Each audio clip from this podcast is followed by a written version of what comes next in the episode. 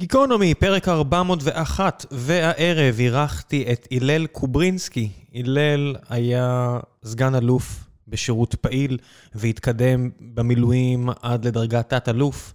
היה במלחמת לבנון השנייה ועשה שורה של תפקידים מאוד משמעותיים במסגרת uh, שירותו בצה"ל, 100 ימי מילואים בשנה.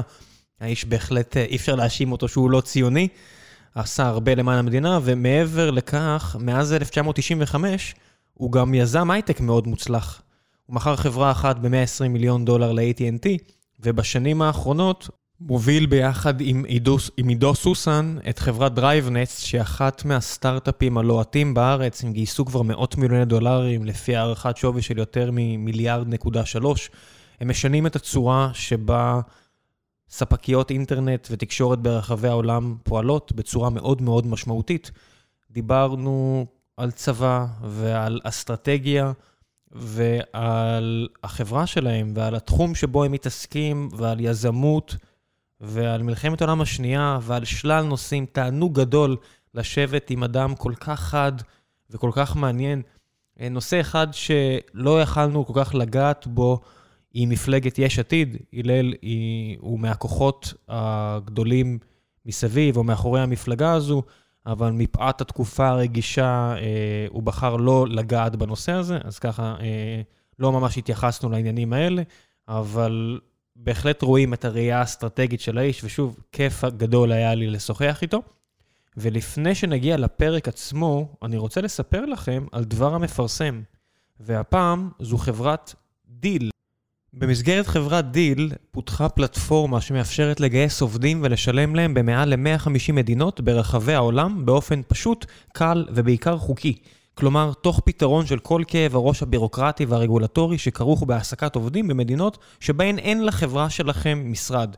יותר ויותר חברות היום מעסיקות טאלנטים במספר מקומות בעולם, ולפעמים אין שום היגיון כלכלי לפתוח משרד מקומי בכל אחת מהמדינות האלה.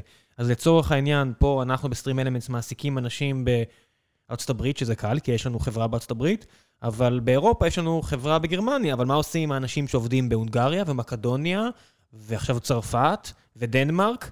אז אנחנו צריכים פתרון כמו דיל. ולצורך העניין, הלל, שישב עכשיו ושוחח איתי פה בפרק הזה, אז הוא סיפר שאצלהם יש עובדים ברומניה. מישהו מכם יודע מה חוקי התעסוקה ברומניה? כנראה שלא. אני אקח הימור ואני אגיד שגם רוב עורכי הדין עימם אתם אה, עובדים, לא יודעים בדיוק מה חוקי התעסוקה בכל אחת ואחת מהמדינות בעולם, ובדרך כלל חברות שמגיעות לשלב שבו כבר יש פעילות מסחרית משמעותית, הם ירצו לגייס אנשים בעוד ועוד מדינות, למשל אנשי מכירות, אנשי תמיכה, מעצבים וכו', שלא לדבר על מפתחים. אה, ואם אתם מחפשים לגייס אנשים במשרה מלאה, על תלוש שכר, או שיש לכם עובדים שמעדיפים לעבוד עבורכם במודל של מה שנקרא על חשבונית, כלומר כיועצים או עצמאים שנותנים לחברה שלכם שירות, בדיל תמצאו פלטפורמה ידידותית שבונה לכם חוזה התקשרות שמותאם לרגולציה בכל מדינה ומדינה, ומאפשרת לכם לשלם לצוות הגלובלי שלכם במעל ל-110 מטבעות, 110, סליחה, מטבעות שונים, כולל שלב מטבעות קריפטו. אני אישית פחות... אה, מתחבר לעניין הזה, אבל יש הרבה עובדים היום שכן, ואם אתם יכולים לעשות את זה, אז למה לא?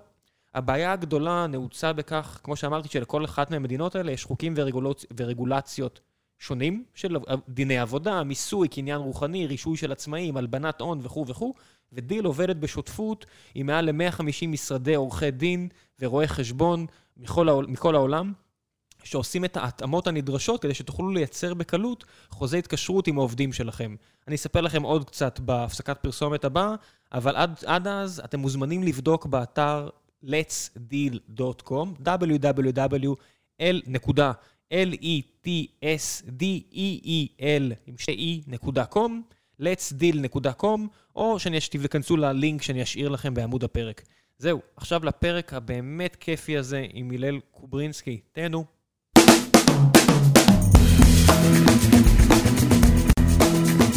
גיקונומי פרק 401, והערב יש לי הזכות לארח את הלל קוברינסקי. מה העניינים? ערב טוב, מצוין, מה שלומך? אין תלונות. את השאלה הראשונה, אמרתי כבר, נשאל אה, ככה, מתי פעם אחרונה היית בטנק? וואו, לפני הרבה זמן, ואתה יודע, אני ממש מתגעגע לזה. טנק זה דבר שמתגעגעים אליו מאוד מאוד. מי שכמוני שריונר, וגדל את הטנקים, והיה בהם, וישן בהם, ולחם בהם, והתאמן בהם. זה דבר שאתה מתגעגע אליו כל החיים. אה, אה, כל מיני פוליטיקאים, אנשי עסקים שיצאו מחיל האוויר, יש להם תמיד את התמונות עם הסרבלים ב-F-15 או במיראז', תלוי בשנים, אצל שריונרים, אתה לא רואה את זה. ויש כל מיני אנשים, קצינים בכירים מאוד ששירתו בשריון, ופשוט אין את העילה יותר. כן, אני, אני לא חושב שיש, אין את העילה, אני חושב שיש, בטח בקרב השריונאים יש מה שנקרא רעות אה, שריונאים, ו, ויש את ה... יש את הדבר הזה של המלחמות, אה, לא יודע אם ראית, אה, איך קוראים לזה? תפילת נעילה? כן, ש... משהו נעילה, כן. כן, אז, אז יראו את יום... שעת נעילה. שעת נעילה. אז כן. יראו את יום כיפור. אחד מקרבות השריון הגדולים בהיסטוריה. נכון, גם בדרום וגם בצפון. ואז אתה, מי ששריונר הוא ישב שם מרותק, כאילו, זה, זה, זה הריח, זה האבק, זה, ה, זה האהבה לטנק, זה היכולות, זה... בסוף לא סתם יש לנו את האדם שבטנק ינצח. כי... הוא ספלד עדיין מלמדים את אה, דברים שהוא עשה בכל מיני בתי ספר צבאיים בעולם. לגמרי. לגמרי, אז, אה, אז הנושא של השריון הוא, אתה הולך איתו תמיד, בטח אנשים אה, כמוני, אתה יודע, היו מ"פים, מג"דים, מח"טים, זה... זה משהו שקצינים אומרים לי, שאני יוצא לי לשאול את השאלות האלה, וחבר'ה שממש שירתו בשריון, לפחות בקבוצת הגיל שלי, שנגיד סביב ה-40, אז הרבה מהם היו בטנקים ב-2006, כשמולם היו אנשים עם קורנט, והם מדברים מאוד שונה ממך. איך אתה מסביר את זה? אני חושב שברור שכל אחד נושא איתו את ה... אתה יודע, את ה... מה שהוא עבר ואת החוויות אבל שלו. אבל גם אתה עברת את זה.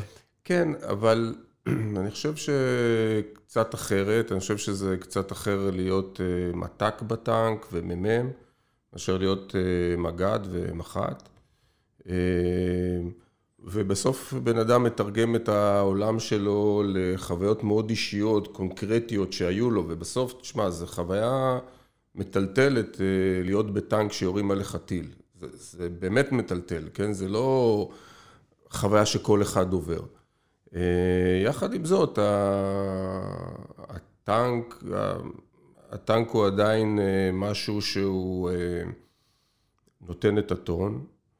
אם אתה שואל אותי על ההסתכלות קדימה, יש לי תפיסה מלאה, אני חושב שב-20, 30, 35 אנחנו צריכים להגיע למצב שאת רוב העבודות האלה עושים רובוטים.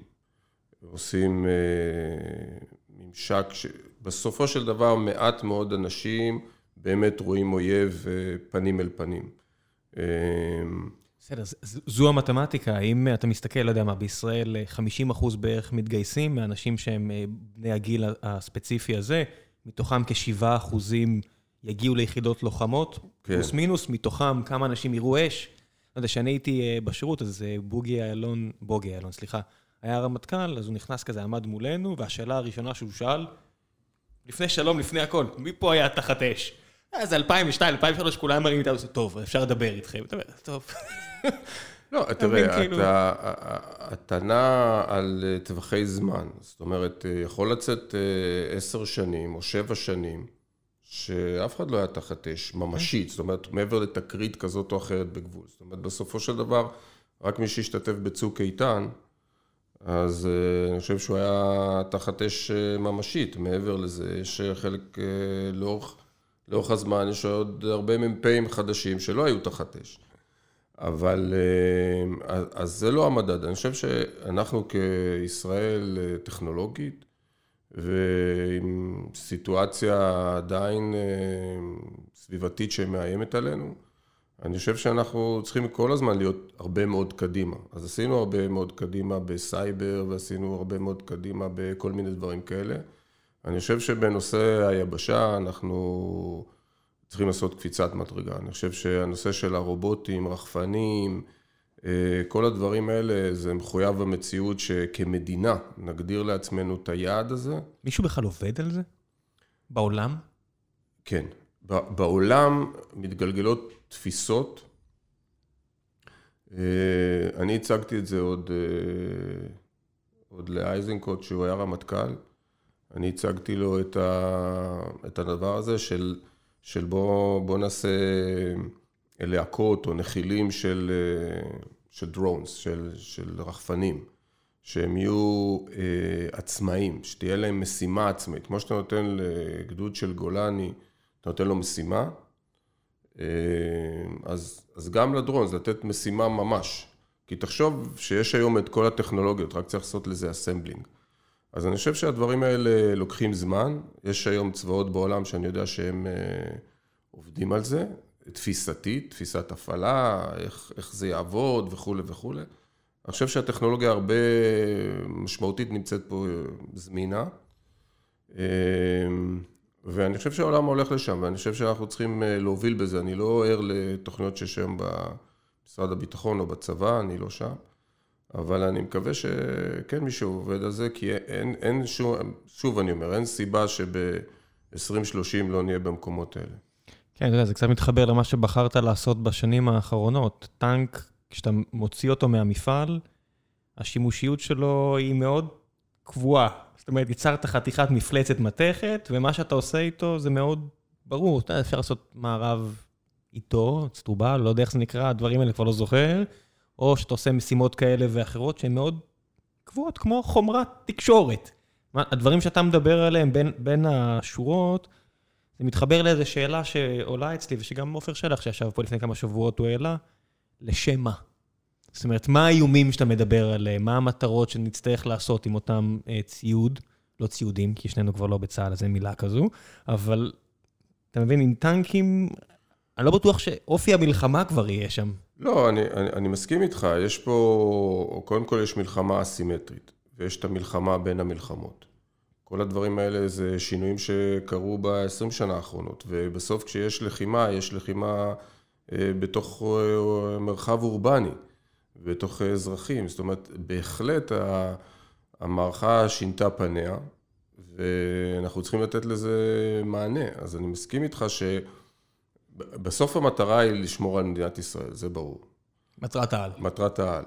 אה, ובסוף, אה, ומתחת לזה, זה להכריע את האויב. ובשביל להכריע את האויב, אני בהחלט אה, חושב שאנחנו, אתה יודע, אסור להתכונן למלחמה הקודמת. צריך להתכונן למלחמה הבאה.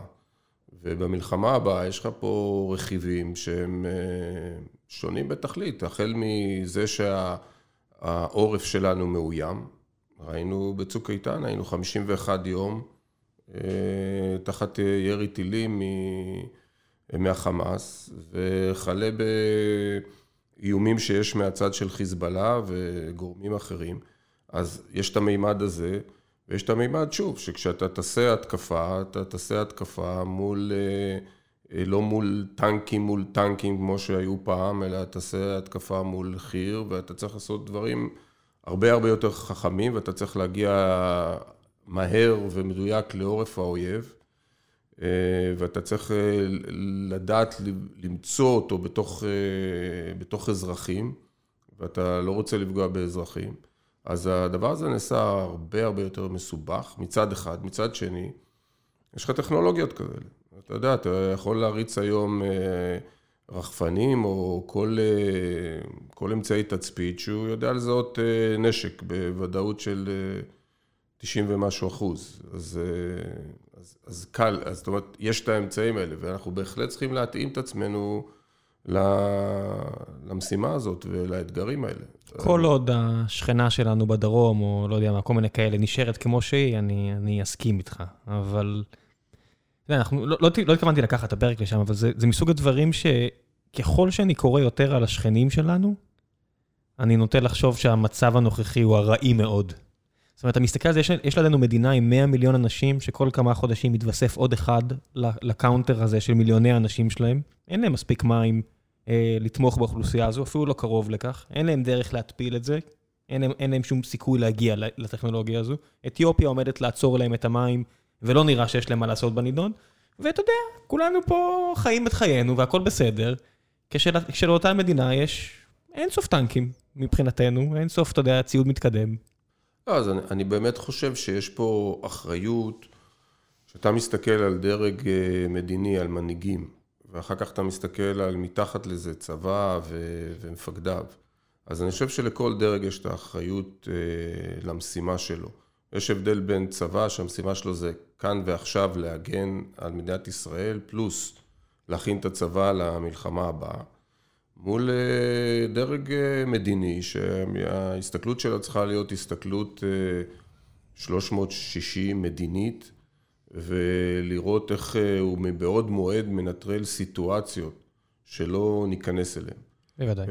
ושם זה לא כלי מלחמה, שם זה מדיניות, שם זה כלכלה, שם זה הסכמי אה, שלום, הסכמי סחר, אה, אתה יודע, כל הדברים האלה שהם, בסוף כלי המלחמה הם אמורים לשרת משהו, מעבר להגנה הם אמורים לשרת אה, את המדיניות. עוד כלים על הלוח, אתה יודע, אם היה איזה אוסטרי או פרוסי חכם שאמר שמלחמה זה המשך הדיפלומטיה, אז הכלים האלה זה המשך כן. של הכרזת מלחמה, אני יודע. כן, בהחלט. אתה לוקח את המחשבות האלה בסוף, כשאתה מגיע להובלה של חברה, אומרת, אתה Chief Strategy Officer, ראיתי את התואר, אהבתי את התואר הזה, כי בסוף, עד לפני מספר שנים, כמעט אף אחד פה לא הרים חברה בשביל להקים חברה.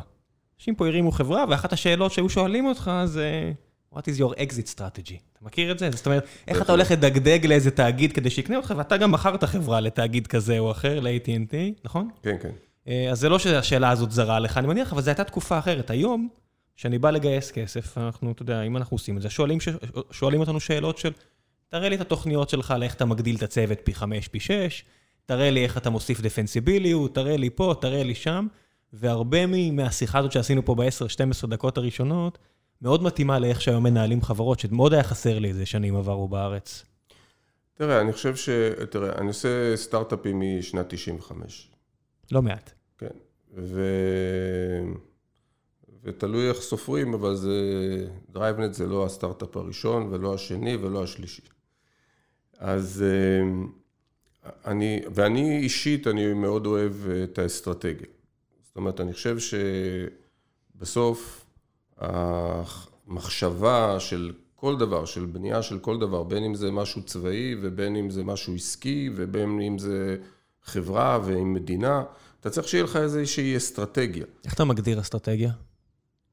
אני חושב שהאסטרטגיה היא היכולת לדמיין את התוצאה העתידית שאתה רוצה. זאת אומרת, איך העולם ייראה... תמונת הניצחון. לא, לא, לא דווקא במושגי ניצחון. איך העולם ייראה עוד עשר שנים, ואיפה אתה רוצה להיות חלק מה, מהתמונה הכוללת. אנחנו ישראלים, אנחנו אוהבים לנצח כל הזמן. אילו, אילו רק באמת היינו אוהבים אנחנו אוהבים להגיד שאנחנו אוהבים לנצח. אז אנחנו, יש לנו את האינסטינקט הזה כן. כל הזמן לנצח, אבל, אבל אני חושב שזה יותר רחב מזה, כי אתה יודע, בוא, בוא נסתכל על אנשים או חברות שעשו את זה, גוגל ופייסבוק וזה, היום יש להם תמונת ניצחון, אני חושב שזה הרבה יותר רחב מזה, זאת אומרת, מה התפקיד שלהם, מה הייעוד שלהם, איך הם רואים את העולם בעוד עשור, ואיפ, ומה התפקיד שלהם בתוך העולם הזה. אז אני אוהב להסתכל על הדברים כך. זאת אומרת, אם אני יודע לדמיין את העולם קדימה ואני יודע לצייר מה יהיה התפקיד שלי בתוך העולם הזה. זאת אומרת, מה יהיה ה-mission statement, מה, מה תהיה המשימה של, שלנו בתוך העולם הזה, כי העולמות האלה מאוד מורכבים. ובעולמות שלנו זה מולטי דיסציפלינרי, ואף אחד לא יכול לנצח לבד. אתה, אתה תמיד... לא, אתה עוד, אתה עוד אבן לגו בדבר הזה. או, כן, או חלק מהפאזל, ו... אף אחד כבר לא מתיימר לעשות A to Z כלום. נכון, אני חושב שבגרנו מה... בגרנו מהדבר הזה. ומה שתיארת, אני חושב שגם ההייטק הישראלי התבגר. מאוד. אני חושב שבשנת 95' אה, התחלתי... אה, היה פה מאוד, היה, תמיד הייתה פה יזמות, תמיד הייתה פה חשיבה מחוץ לקופסה, תמיד היו כל הדברים האלה, אבל אני חושב שהייתה, היה חוסר ידע עסקי וחוסר הבנה שהעולם לא סובב סביבנו.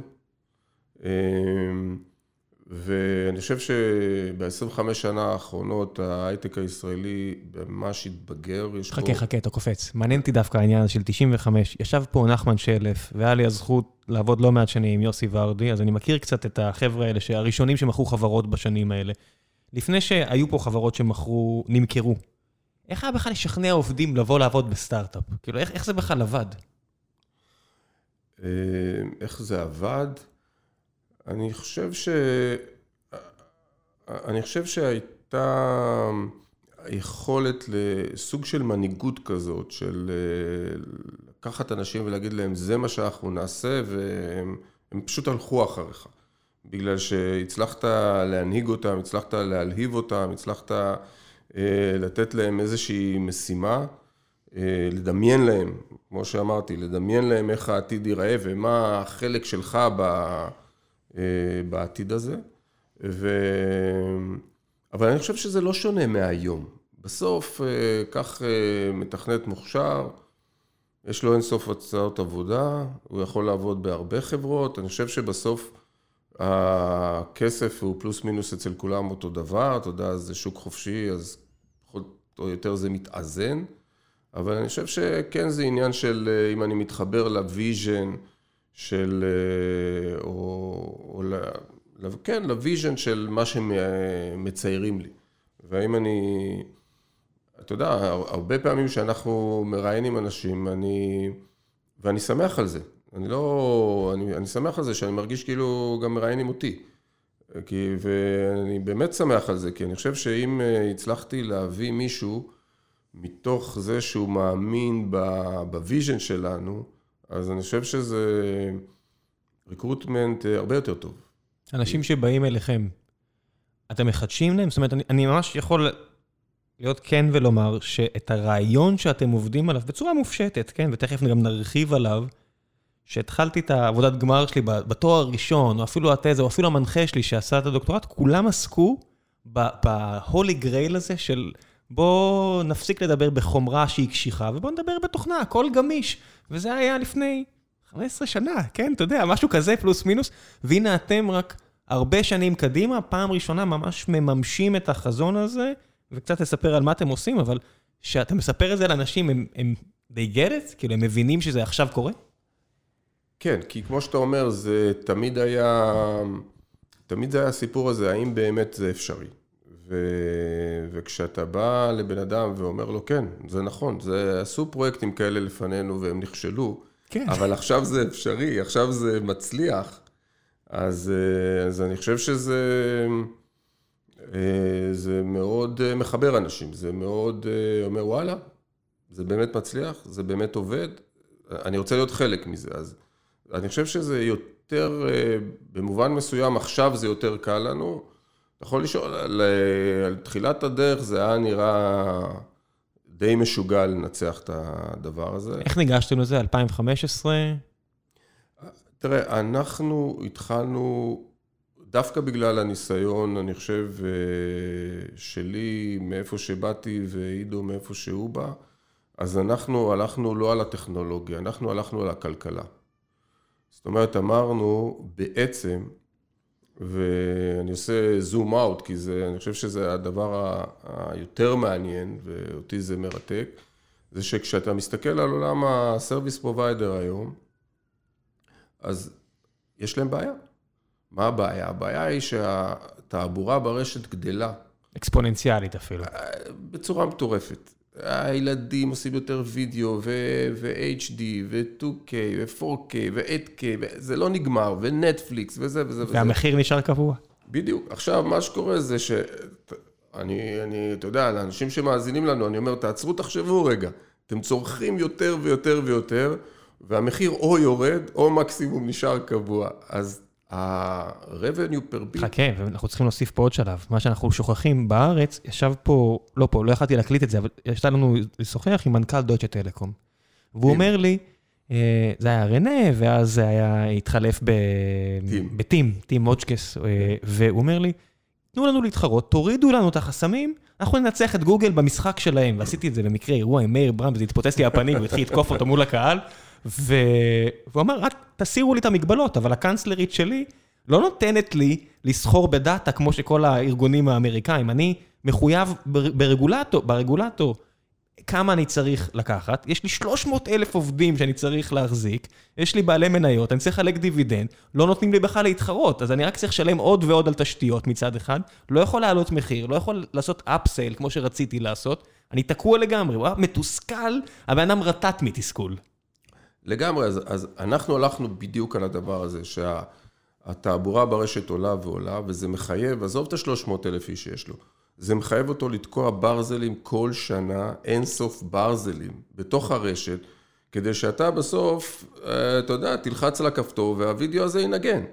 עכשיו, זה כאילו נראה לנו מובן מאליו, אבל זה לא מובן מאליו, כי בסופו של בסוף החודש הוא בא אליך, אומר לך, אדוני, השתמשת יותר, תשלם יותר, אתה אומר לו, בוא, בוא, בוא, בוא, אני אעבור למתחרה שלך, אם אתה רק תעיז, דבר איתי על המחירים. ולכן אנחנו בעצם מצאנו פה בעיה אקונומית, בעיה כלכלית ממדרגה ראשונה, שלכאורה אין לה פתרון. אין לה פתרון, כי איך תפתור את זה? תחשוב, איך, איך אתה יכול לפתור את זה? אם מצד אחד הוא צריך להשקיע ברשת יותר ויותר, ומצד שני הוא לא יכול לגבות יותר, ואנחנו לא חושבים שהרשת תפסיק לצמוח לרגע, אז איך הדבר הזה הולך להיפתר? ואני חושב ש... אתה יודע, אני מאוד אוהב אה, לשבת עם אה, יזמים צעירים, ואני מעודד אותם, והדלת שלי תמיד פתוחה, ואני משקיע לא מעט זמן באנשים שאפילו אני לא מכיר, הם מגיעים אליי איכשהו. ואני משקיע בזה איזה שעה או שעתיים לשבת איתם וסתם לתת להם מהתפיסה שלי, או מהניסיון שלי. אז אני אומר תמיד, תחפשו בעיה כלכלית. תחפשו בעיה כלכלית גדולה, טכנולוגיה זה קל. זאת אומרת, יהרגו אותי המהנדסים, אבל זה לא קל. אבל, אבל קודם כל, תחפש בעיה טכנולוגית, אה, בעיה כלכלית גדולה, ואז תלך לפתור אותה. ואם אתה בעיה כלכלית גדולה, ואז אתה פותר אותה, אז יש value לפתרון. כן, אני אגיד לך, זה לא שטכנולוגיה זה קל, כמו שאפשר לפתור את זה עם עוד כסף. כל דבר שאפשר בזמן. לפתור עם עוד כסף... בזמן. כן, אבל זה אומר, אם אני אביא עוד מפתחים, אם אני אביא עוד משאבים, עוד משאבי compute, עוד storage, עוד מפתחים, זה ייפתר, אז זה לא בעיה כמו שאתה מתאר. אתה מדבר על שינוי פרדיגמה, אתה מדבר על משהו שאי אפשר לפתור אותו עם עוד כסף, או שאם אני אוסיף עוד כסף, אני כבר שובר את ה-unit economics, וזה כבר אין לי עסק. כן, וזה דיבר, זה, זה נכון מאוד, וזה... ו... ומה שאני מתאר לך זה דברים שדיברתי, אתה יודע, תיארתי לך פה את הנוסחה הראשונית, המינימלית, תאר לך מצב שלא ידענו לחזות אותו ב-2015, אבל היום אחרי שנה בתוך ה-COVID-19, תאר לך, לא רק זה שיש להם מערכת שהיא עולה כל כך הרבה כסף וצריך להשקיע בה כל כך הרבה hardware בשביל לעמוד בגדילה של הרשת, תאר לך עכשיו מה קרה. אנחנו נשארנו בבית, המשרדים נשארו ריקים.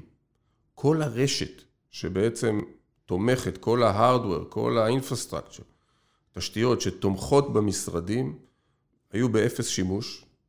ה bandwidth, הצריכת bandwidth מהבית עלתה בטירוף, החל מהילדים בזום ואנחנו חכה, בעבודה. חכה, אתה רץ, כי לא כולם מבינים, שתבינו, אנחנו מדברים עכשיו נגיד מהמשרדים של סטרים אלמנטס, שמחוברים לרשת נפרדת מזו של, ה, של הבית שלי שנמצא פה נגיד קילומטר מכאן, זה ממש סיב אופטי אחר שהוא ייעודי לעסקים, בגלל זה אני משלם פה פי 10 או פי, פי 15 על המשרד הזה מאשר בבית, ואני מקבל פה uh, quality assurance, שבוודאות יהיה לי את ה-500 או 400 או כמה שאני לא משלם, וישרף העולם, יהיה לי.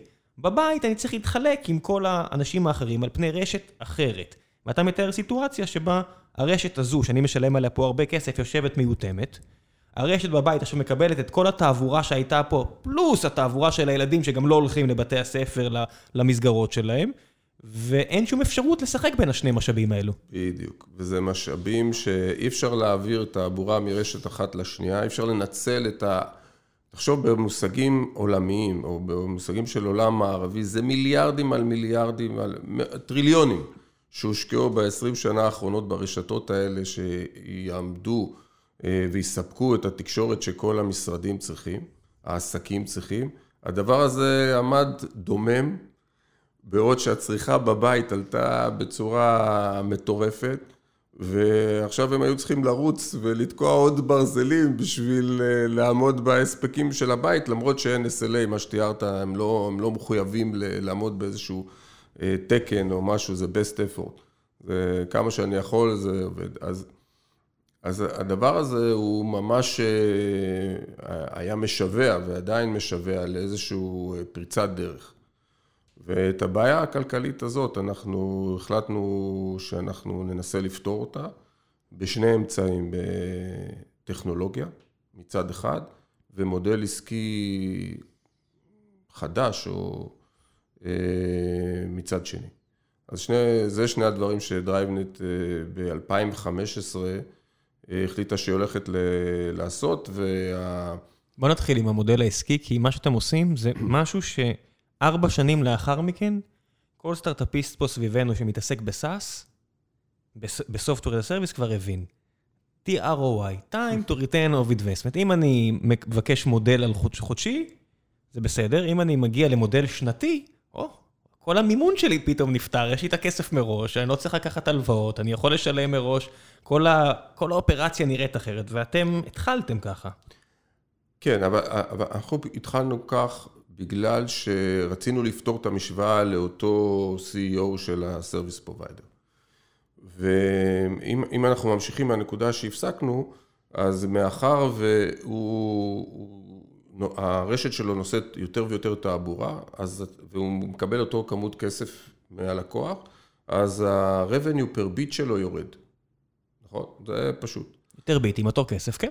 ה-revenue per bit. עכשיו, שהוא הולך ומנסה לקנות מסיסקו, ג'וניפר, אלקטלוסן, כל ה... או נוקיה של היום.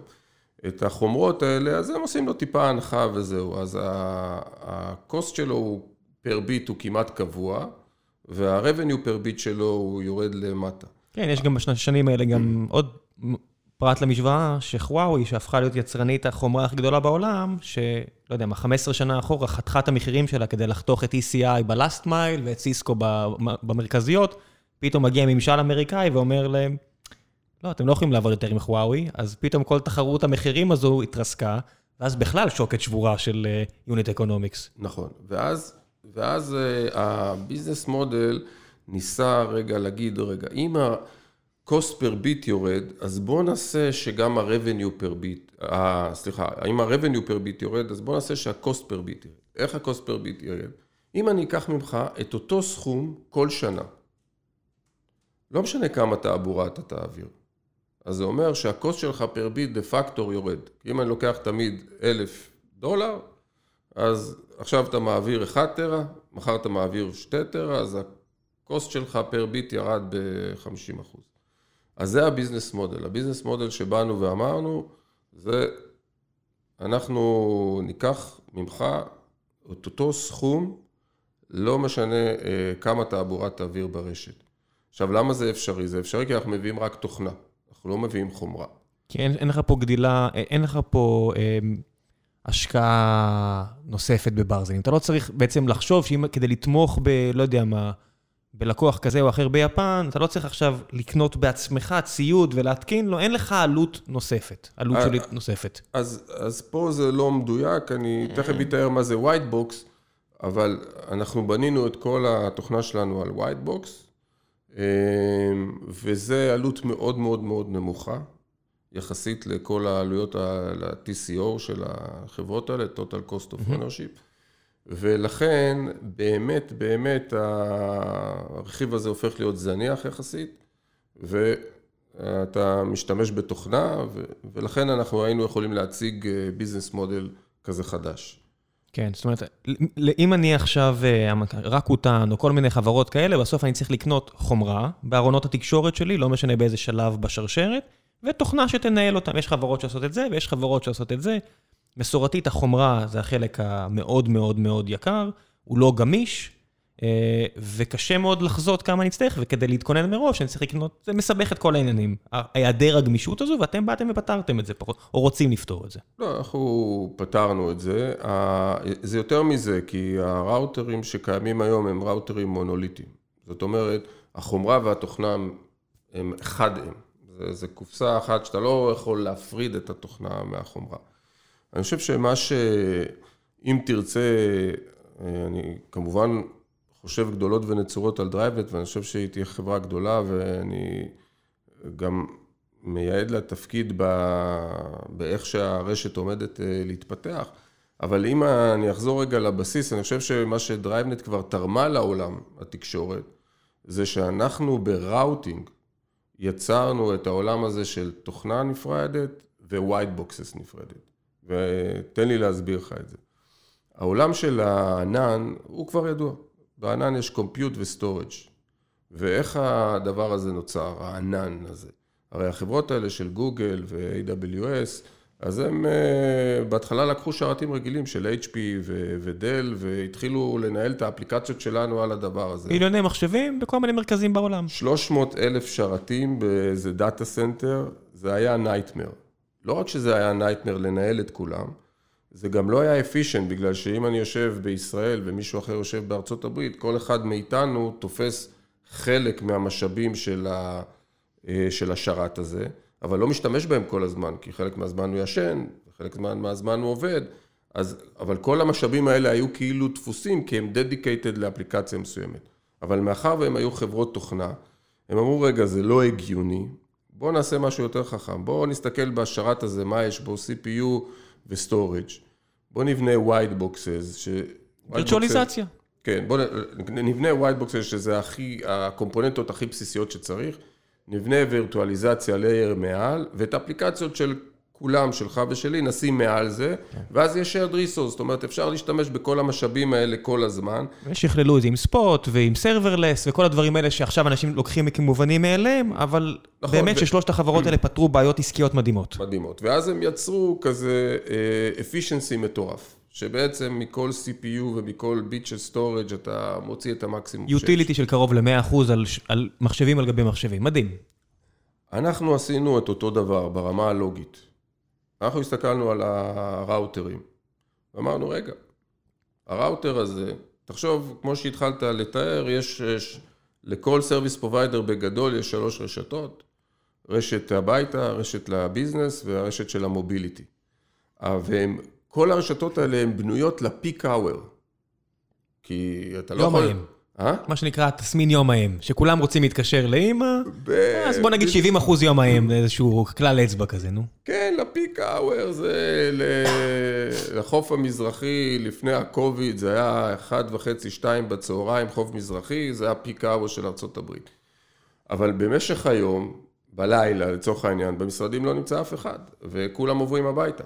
אז אם היית לוקח את כל ההשקעה הזאת על כל הרשתות האלה, האפישנסי הוא, הוא אפסי, הוא ב-8%, ב-7%, וזה מיליארדים שמשקיעים. אז אנחנו אמרנו, רגע, בואו נעשה לוגית, נעשה מימיקה למה שההייפרסקל עשו, למה שהגוגל וה-AWS עשו. בואו ניקח את הראוטר, בואו נפתח אותו, בואו נראה מה יש בפנים. ויש את ה chipset של ה packet forwarding. החבר'ה של EZchip אה, מחייכים, אומרים שלנו, או מלאנוקס, או לא יודע אה, מה. ברודקום. ברודקום, לצורך העניין. כן. ויש אה, קצת, בכל זאת, CPU, אז כזה, אינטל כזה ואחר, ויש TCAM שזה כאילו ה-storage, או איפה שאתה שם את בסיסי הנתונים. אז אמרנו, בוא נבנה white box, שיהיה מאוד מאוד זול, ויש בו רק בדיוק את מה שצריך. ותשמע, זאת הייתה משימה קשה. אתה עדיין צריך לעמוד בתעבורה במהירות כן, אדירה. אבל, כן, אבל, אבל ה, ה, אתה צריך לחשוב שלפני חמש שנים, או יותר מדויק, לפני שלוש וחצי שנים, לא היה white box ל routing. אני מדבר על לא ראוטר הביתה, מדבר על ראוטרים גדולים שנמצאים בדאטה סנטרים, שהם ה backbone של האינטרנט, זה לא היה קיים. אני חושב שה... בוא נגיד, ההישג הכי מרשים של DriveNets עד היום, לא ברמה הכלכלית, אלא ברמה של אה, פריצת דרך או משמעותית, שתישאר לנצח, זה שהצלחנו ללכת לטיוואן, והצלחנו לקחת את האנשים של האופטיקה ואנשים של ה chipsets. אתה מדבר על TSMC? מה, מה זה טיוואן? לא, טיוואן זה, לצורך העניין זה Foxconn פה, אבל כל ה-ODM, מי שמייצר את ה-hardware. ולקחנו את האנשים של ה chipset, כמו ברודקום, ולקחנו לקוחות, ואנחנו בתור התוכנה, והלכנו ועשינו design של ה white box. יש סטנדרט? כן. מי חתום על הסטנדרט? עכשיו הוא ב Open, ב Open Compute. מי, מי, אה, מי התורמים הגדולים? מי שתרם אותו בסופו של דבר, אם אני לא טועה, זה היה AT&T. AT&T השחקנית המשמעותית ביותר שם?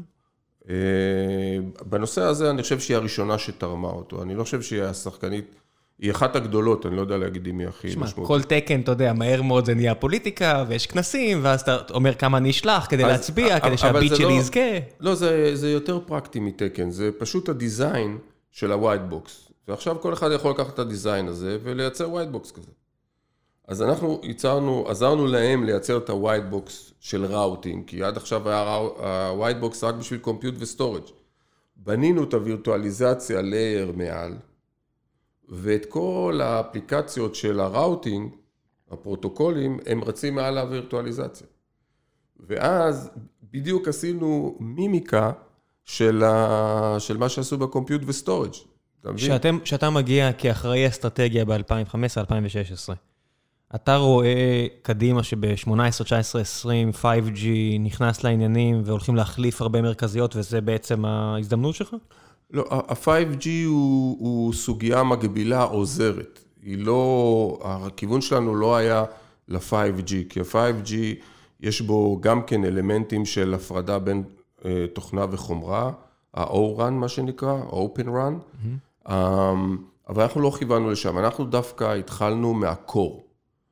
זאת אומרת, אנחנו הלכנו לקור של הרשת, לכל Service Provider יש לו את הקור, ואחר כך יש לו, ככל שהוא מתקרב ללקוח, יש לו את ה-Edge, ובסוף יש את ה-last mile. IP דיסלאם, ארון תקשורת שיושב ברחוב שלכם ומחבר אתכם לאינטרנט. או... כן, לא זה, זה, זה הכי פשוט. זאת אומרת, אתה יושב בבית, יש לך את הראוטר הקטן, ברחוב יש לך ארון, ב... יש בשכונה ארון קצת יותר גדול, אחר כך זה כבר מגיע ל data center, מרכזיות, ומשם זה data center יותר גדולים. כן. אז אה, אנחנו... אבל מה שאמרת עכשיו בדיוק עולה לשאלה הבאה, שכל זה כבר קיים. איך אתה משכנע את המנכ"ל של דויטשה טלקום, של בריטיש טלקום, של בזק, של כל מיני כזה, עכשיו אתה בא אליי ואומר לו, תקשיב, אני יודע שכבר השקעת הרבה, יש לך פה sunk cost, שכבר רשמת אותו באחד הספרים שלך כהפסד, בוא תשקיע שוב, בוא תחליף. אז זהו, אז, אז להחליף אפשר, אבל שני דברים. אחד, אתה זוכר שגם ככה הוא לא ישן בלילה, ואני אומר לו, תקשיב, יש לי טכנולוגיה מצד אחד וביזנס מודל בצד השני, שאם אנחנו מחברים אותם, זה פותר לך בדיוק את הבעיה. אני מאפשר לך שכמו שה-revenue per bit שלך יורד, אז ה-cost per bit שלך יורד. אז אני מסדר לך את המשוואה הכלכלית הזאת, זה דבר אחד. והדבר השני, הנושא של ההחלפה, אמר, תשמע, לא צריך להחליף. מאחר והרשת גדלה 30, 40, 50 אחוז, תחשוב. אתה באמת צריך להוסיף. אז אם אני שם את הרשת, את הטכנולוגיה החדשה לצד הטכנולוגיה הקיימת, ואתה שם רק את הגדילה ברשת, על הטכנולוגיה החדשה, תעשה חישוב מתמטי, תוך 3-4 שנים הרשת, הטכנולוגיה החדשה משרתת יותר תעבורה מהרשת הקיימת, ואז אתה כבר יכול לעשות decommission, אתה יכול להתחיל להעביר מרשת אחת לרשת השנייה. אז ככה באנו, מבחינת הפיץ', זה היה, שמע, זה היה הדור אופן הכי גדול שהיה לי בחוויות העסקיות שלי. מי הראשון היה? AT&T. איך זה היה? אתה יודע, אני תמיד אני אומר עם, אה, עם גיל הירש פה, אחד השותפים שלי פה, שתמיד אומר, בשיחות המכירה הראשונות, חייב להיות פאונדר. פעם לא הבנתי, אמרתי לו, תגיד, למה זה? רק לאחרונה הוא הביא לי את הטיעון המנצח, והוא גם חובב אסטרטגיה גדול, הוא אמר, פאונדר זה היחידי שיכול להביא הבטחה של משהו שאין. זאת אומרת, איש מכירות יפחד באמת להבטיח, אנחנו צוחקים על אנשי מכירות שמבטיחים דברים שאין, פאונדר באמת מבטיח דברים שאין ודואג שיהיה. אז השיחת מכירה, שלח פאונדר שיסגור אותה. אבל איך זה היה לך? אני חושב שתראה, זה... ישבו בחדר שני אנשים, עידו, סוסן ואני. זה... עידו עשה דליברי מטורף, היה לו שם יוצא מן הכלל טוב ב-AT&T, ואותי AT&T מכירה, ואני חושב שאתה צודק, אני חושב שהם הסתכלו בעיניים שלנו, ואחרי דלת סגורה, כשאנחנו הלכנו הביתה, אמרו, בואנה, החבר'ה האלה יכולים לדלבר או לא יכולים לדלבר? זו השאלה היחידה. זו השאלה היחידה. מה יש לנו להפסיד ולתת, להגיד להם, טוב, אם אתם יודעים לדלבר, תביאו את זה למעבדה ו... ונראה. אמ, אז, אז אני חושב שהם האמינו ליכולות שלנו מההיסטוריה שלנו. הם האמינו, כי עידו באמת הוא אחד האנשים שהכי מבינים נטוורקינג בעולם. אני יכול להגיד לך את זה בוודאות, זה לא כאילו אני מהלל ומשבח את השותף שלי, אלא מיטב האנשים בעולם אמרו שהוא אחד מהטובים בעולם. והם החליטו שהם מאמינים לנו שאנחנו מסוגלים אה, לעשות את זה. כי אתה צריך, אה, בדברים האלה אתה צריך שזה מישהו ש... אתה יודע, ייתן לך, יאמין בך ויפתח לך את הדלת וייתן לך לעשות את הניסויים ו... ויאפשר לך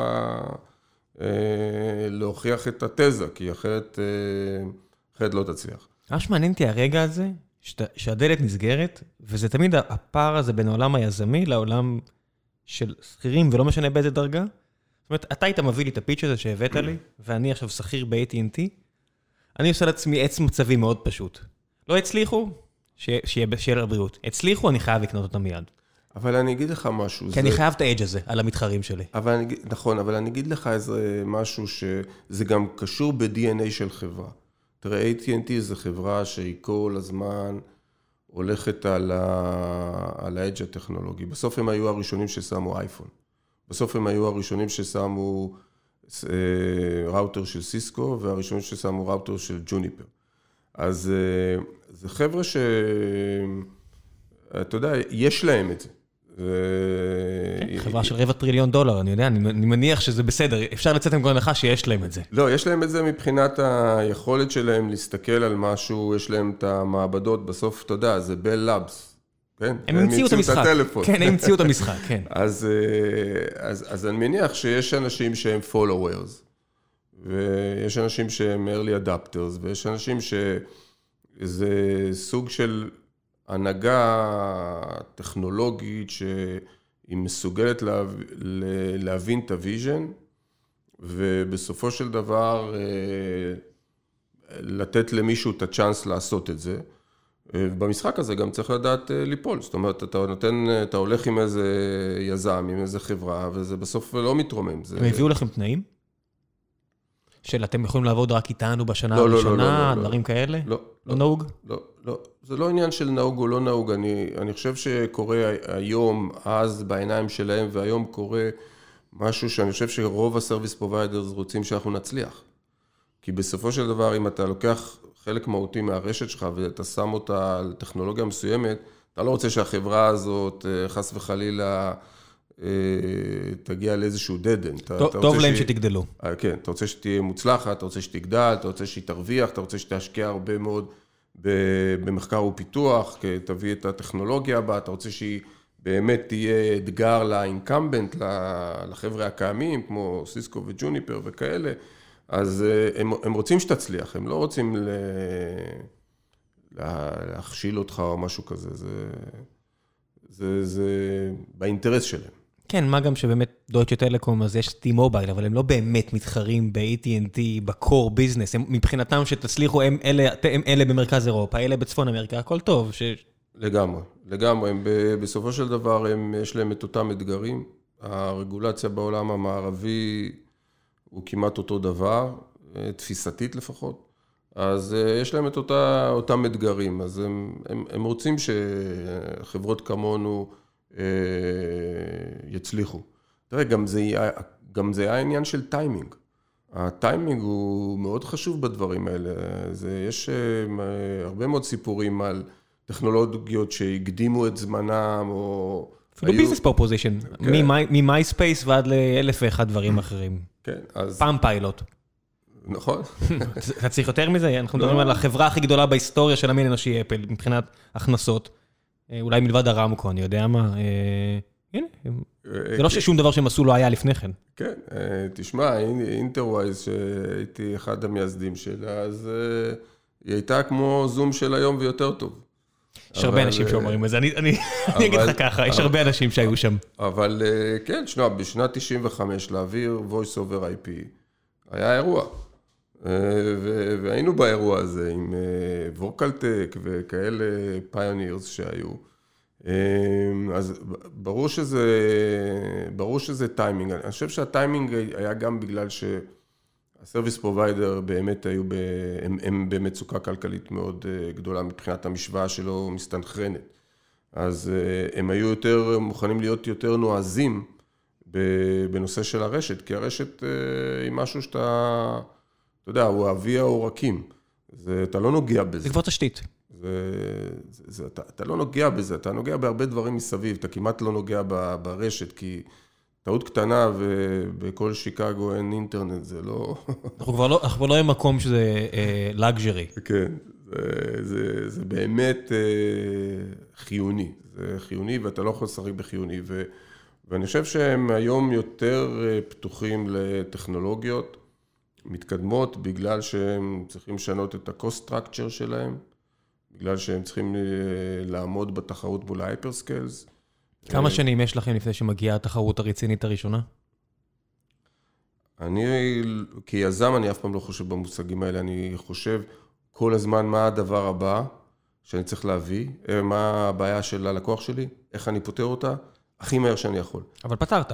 לא, אבל זה לא פתרת ונגמר. זה, אני כבר רץ אה, שלוש צעדים קדימה. זה, אה, אין מצב של פתרת, אין, אין בעולם הסטארט-אפ רגע, אם אתה רגע חשבת לעצמך שפתרת ואתה נשען לאחור, זה הרגע שאתה עומד ליפול, כאילו, חפש מצנח, כי כן. אין דבר כזה. האחרים הם הרבה יותר גדולים, עם יכולות שיווק הרבה יותר גדולים, עם כיסים היותר עמוקים, עם, עם המון המון דברים. אתה, אסור לך לחשוב במושגים האלה, אתה צריך להיות, מה שמוכרים עכשיו, אצלך בתוך הבית זה old news. מה, מה שהאיש מכירות מתלהב בלספר ללקוח, והלקוח מתלהב לשמוע, בתוך הבית זה old news. זה אתה צריך להיות כבר שני, שלושה צעדים קדימה. כן, זה מה שתקשרת לשוק שיש לך. אתה חייב להניח שלא יודע מה, אינטל, אמזון, גוגל, אה, סיסקו, שומעים את זה ועושים את הערכת, אה, הערכה עסקית שלהם. אומרים, טוב, מתישהו נצטרך להיכנס לזה. א', זה, וב', שמע, יזם זה מחייב. מול חברות כאלה, יזם זה מחייב. והמחויבות הזאת שאתה כל הזמן חושב עליו, כל הזמן עושה אינוביישן. אתה כל הזמן מחדש, אבל לא מחדש לשם החידוש. אתה, אתה, אתה, ככל שאתה בתוך הרשת, ככל שאתה קרוב ללקוח, אתה מבין את הבעיות שלו. אתה מבין את הבעיות שלו, אתה מבין את הכאבים, אתה מבין את האי-אפישנסי הכלכלי, אז אתה כל הזמן צריך להיות מוטרד איך אני פותר לו את הבעיות. זה בעצם התן וקח הכי בסיסי בחברות סטארט-אפ. אם, אם זה לא מתקיים, אתה, אז פתרת איזה משהו, אה, ידרסו אותך, כאילו, אז אוקיי, הבינו איך עושים, וואלה, הבאת רעיון גדול, יבואו היותר גדולים, ייקח להם כמה זמן שצריך, או שהם יקנו אותך, ו... והיית... וזה? בדיוק, והיית חלק מה... מסיפורי ההיסטוריה, ואם אתה רוצה לבנות חברה גדולה, ואתה רוצה לחדש, ואתה רוצה להוביל, ויש לך vision, ואתה יודע איפה אתה רוצה להגיע, אתה רוצה שהרשת תהיה תוכנתית, ויהיה אפשר לתכנת את הרשת הזאת בקלות. ואתה לא תצטרך שהטכנאי יבוא אליך הביתה. אתה פשוט יכול להיכנס ולשנות משהו ולהעלות לעצמך באיזה website כזה, להעלות לעצמך את ה bandwidth. ויותר מזה, אתה יכול להיכנס ולתת priority ל Zoom שלך על פני ה Fortnite של הילד שלך, אז אתה כל הזמן רוצה להיות שם, כדי שעד שכבר ילמדו את מה שעשית, אתה כבר עם שניים, שלושה צעדים קדימה. זה, זה מה שתיארת כבר עכשיו קיים בראוטרים הביתיים היקרים, אה, כי כמו שאמרת, הפתרונות שאתם, אתם הבאתם את היכולות האלה, המליובול, את היכולות הגמישות, פשוט לבקבון. נכון, אז אה, אה, תראה, תמיד קיים משהו שהוא מאוד יקר או מאוד אקסקלוסיבי, זה, כן. אתה, אתה רוצה להעביר את זה למאסה, אתה רוצה לה... קומודטייז את. בדיוק, אתה רוצה שלכל אחד יהיה גישה לזה, שיהיה אה, קל to deploy, והשימוש שלו.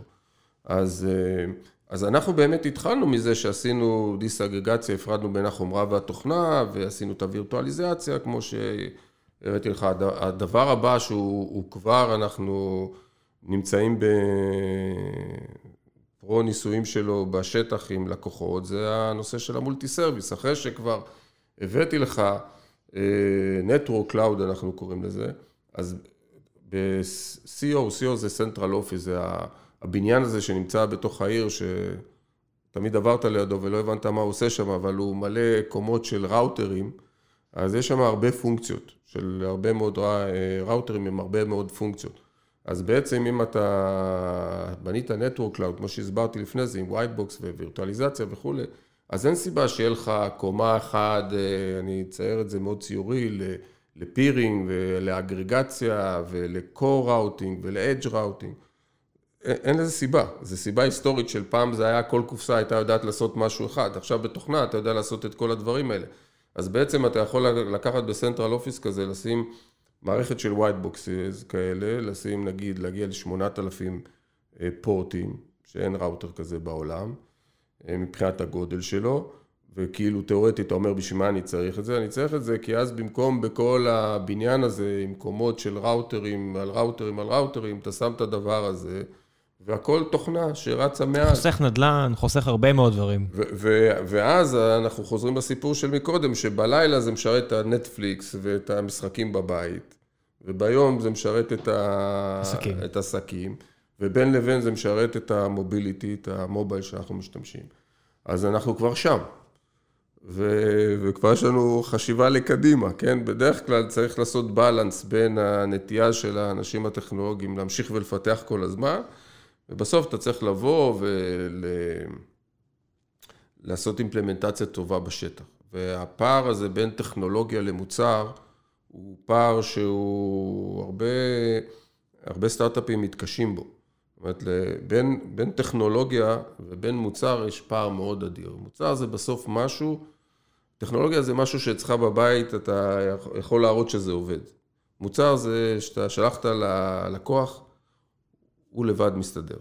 זה פער מאוד גדול. הוא תמיד אוהב לעשות דברים ששוברים את המוצר. הוא אוהב, הוא לא קורא כן. את ה manual, והוא לא... והוא עושה את זה בדרך שהוא חושב שצריך לעשות את זה, ואז... אז, אז צריך, אנחנו צריכים להשקיע הרבה מאוד ב productize, במוצריות של הדבר הזה. בצוותי אבל... תמיכה, בצוותי support, כן. אתה יודע, זה אותו דבר, מספורט וליין 1, ואנשים שיטוסו יום אחד שיהיה אפשר ללקוחות, ויהיו שם אנשי מכירות, צריך להקים חברה. כן. אגב, ה-COVID-19 הזה עשה לנו ממש טוב, אנחנו טסים פחות, והרגלנו את הלקוחות שלנו לעשות הרבה מ- מרחוק. פעם אה, היה לנו, היינו שולחים צוותים, והיינו שולחים איתם את ה-white boxes, והם היו מתקינים להם במעבדה, וכולי וכולי. בא ה-COVID-19 הזה, סגר אותנו. בנינו פה ברעננה, זה הראוטר הכי גדול בעולם, אם אני לא טועה. באמת, ומ-white boxes, ואנשים שרוצים לעשות POC יכולים לעשות את זה משם, מכל מקום בעולם. היפנים, אה, חברה יפנית, שאני לא יכול להגיד את כן, השם שלה, אבל זה Service Provider, נגיד, הכי גדול ביפן. אה, הוא עשה את ה-POC הראשון שלו, הוא עשה מרחוק. הקצינו לו משאבים, והוא התקין, והוא שיחק, והוא העלה וזה. אחר כך כבר היה, הם רצו כבר להתקדם לשלב הבא, אז שלחנו להם אה, חומרה, white boxes ואת התוכנה, והם עשו את ההתקנות וכולי וכולי, אבל הדבר הזה, אני חושב שהוא גרם לנו להיות יותר יעילים, יותר טובים. אה, אילוצים זה, אתה יודע, זה האמא והאבא של השתפרות, אין מה לעשות. אה, לגמרי, לגמרי. בעולם בלי אילוצים כולנו שמנים ושבעים, אין... ככה זה. לגמרי, לגמרי. אתה יודע, זה המעלית, כן? זה עצלות מובילה להישגים. איך אתה, אתה יודע, אני, אני מניח שאני יודע שאתה חווה את זה בערך כמו שאנחנו חווים את זה פה, רק כנראה במגניטוד של כפול 5 או 6, לא כנראה. אמ, כל מה שקורה ב-2020, בעולם הפיננסי, קצת אה, גרם למשקיעים שבטח שומעים את הפודקאסט הזה, קצת לאבד את העשתונות, והם רואים חברה כמו שלך, ו... אתה יודע, אני מניח שהצעות מגונות מגיעות אליך ברמה כזו או אחרת, ממשקיעים. איך אתה יודע בכלל לקחת אבלואציה נכונה, לתכנן אפיק פיננסי לחברה שלך, בתקופה שבה כל הערכות השווי מאבדות קשר ריאלי עם המציאות? עשיתם גיוס מאוד גדול. כן, אני חושב, אני, ההסתכלות שלי היא קצת אחרת. אני... עידו ואני רוצים לבנות באמת חברה גדולה, ושיהיה לה תפקיד מהותי באיך אה, רשתות אה, מתוכננות, נבנות, ועושים להם אימפלמנטציה בסופו של דבר. ולכן מבחינה פיננסית אתה גם צריך לבחור את השותפים הנכונים. אה, יש לזה מאוד, יש לזה משמעות, זה ש, שאנשים שמשקיעים שיהיה להם את ה vision שלך, שהם לא ירוצו לאקזיט, שהם, שאתה יודע שלא ילחצו עליך, מה זה לא ירוצו? כן. ש... הם לא רצים לשום מקום, הם יכולים רק ללחוץ עליך. לא, ללחוץ או לכוון, או... אלא באמת שיהיו שותפים לבניית חברה גדולה, ופיטנגו אמ, ובסמר, זה, זה שתי המשקיעים הראשונים שלנו, שגם השתתפו בגיוס האחרון. אנחנו עשינו שני גיוסים, אחד בינואר 19. הסיד הכי גדול אי פעם בישראל, לעניות דעתי? כן, זה לא סיד, זה ראונד A. הסיד אנחנו... כן, להגיד שזה סיד זה יהיה מגוחך, כן. כן, לא, אבל אתה רוצה להתעכב על זה, את הסיד אנחנו עשינו, אנחנו בעצמנו. הלוואת בעלים? או השקעה ממש שלכם? כן, עידו ואני השקענו, ו... והשקענו מתוך זה ש... אני חושב שזה היה מאוד קשה לגייס כסף אז. כן? לא למרות השם שלכם? כן, כן, כי הלכנו על משימה שאומרים, עזוב, service provider זה בית קברות. ואתה, יש לנו מלא חברות שהתנפצו על הדבר הזה. in it. היית מצליח לגייס כנראה. פשוט לא, פשוט לא רצית להתעסק עם זה, זה בסדר, זה פריבילגיה שהרווחת ביושר. לא, אבל... לא, אני חושב שרצינו, בגלל שידענו שאנחנו מטפסים את האברסט, אז רצינו, אתה יודע, להביא יותר הוכחות, כי זה באמת הייתה משימה קשה, ואני יודע ש...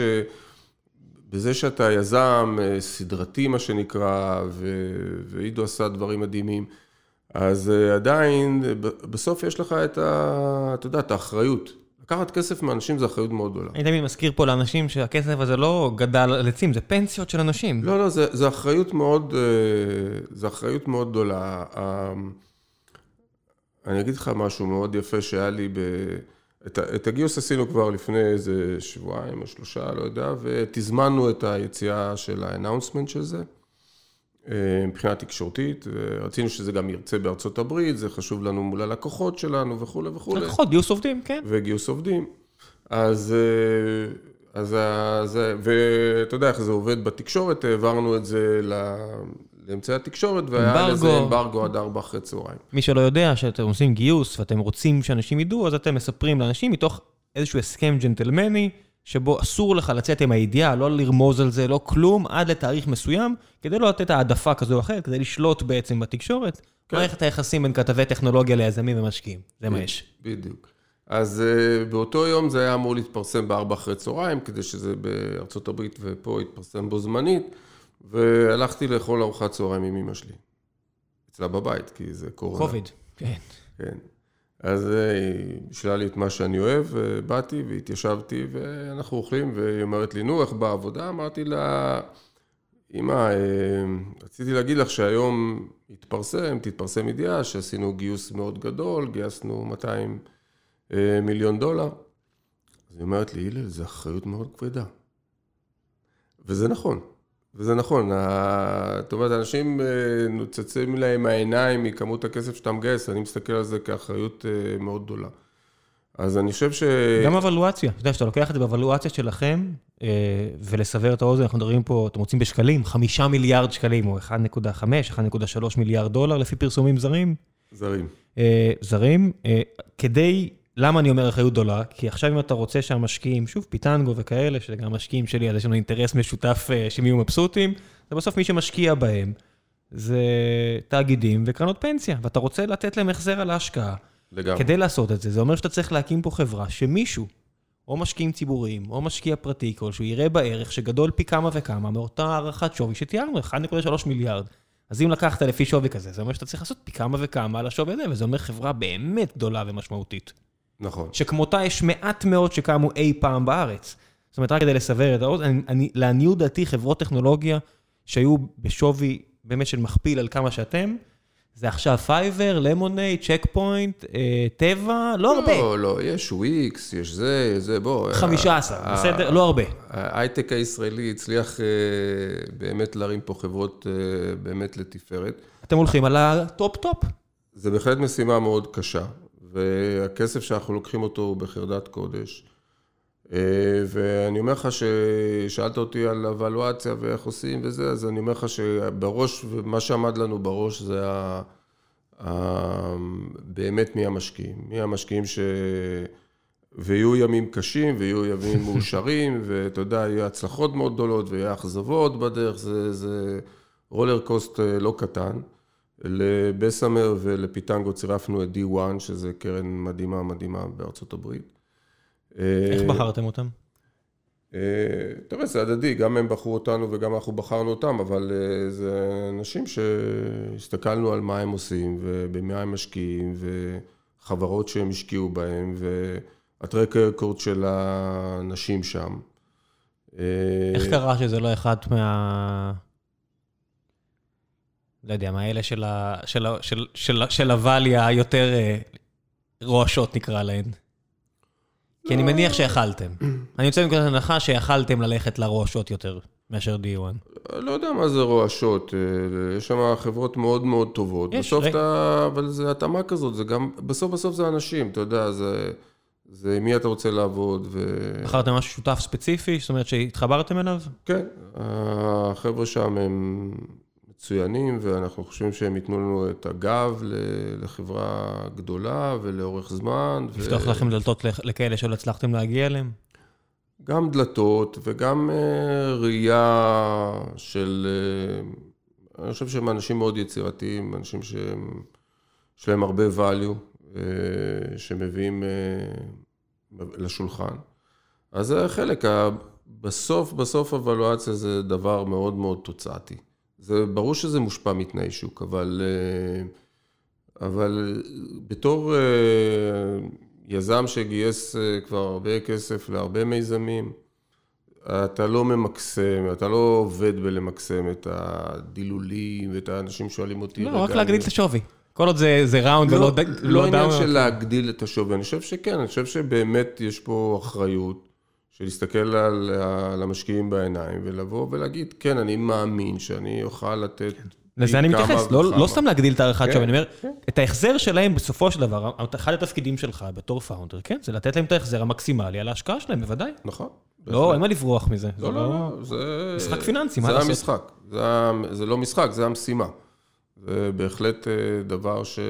איך זה משפיע ביום-יום ההבנה שאתם חייבים להגיע להנפקה או מכירה מפוצצת? איך זה מסדר את היום-יום? אני לא חושב שזה מסדר את היום-יום. אני חושב שזה... זה לא קובע איזושהי רמה, איזושהי רמת התנהלות, איזשהו, לא יודע, ניקיון כפיים פיננסי, לא יודע מה, כלשהו רמה לא, מעל? לא, זה, זה ברור, זה, לא, לא חשבתי שאתה מכוון לשם, זה, זה ברור. אה, אנחנו בנינו חברה עם, עם ניסיון מ, מלבנות חברות, אז, אז באמת יש לנו צוות הנהלה שהוא, חלקם אה, זה אנשים שהיו כבר CEOים בעצמם.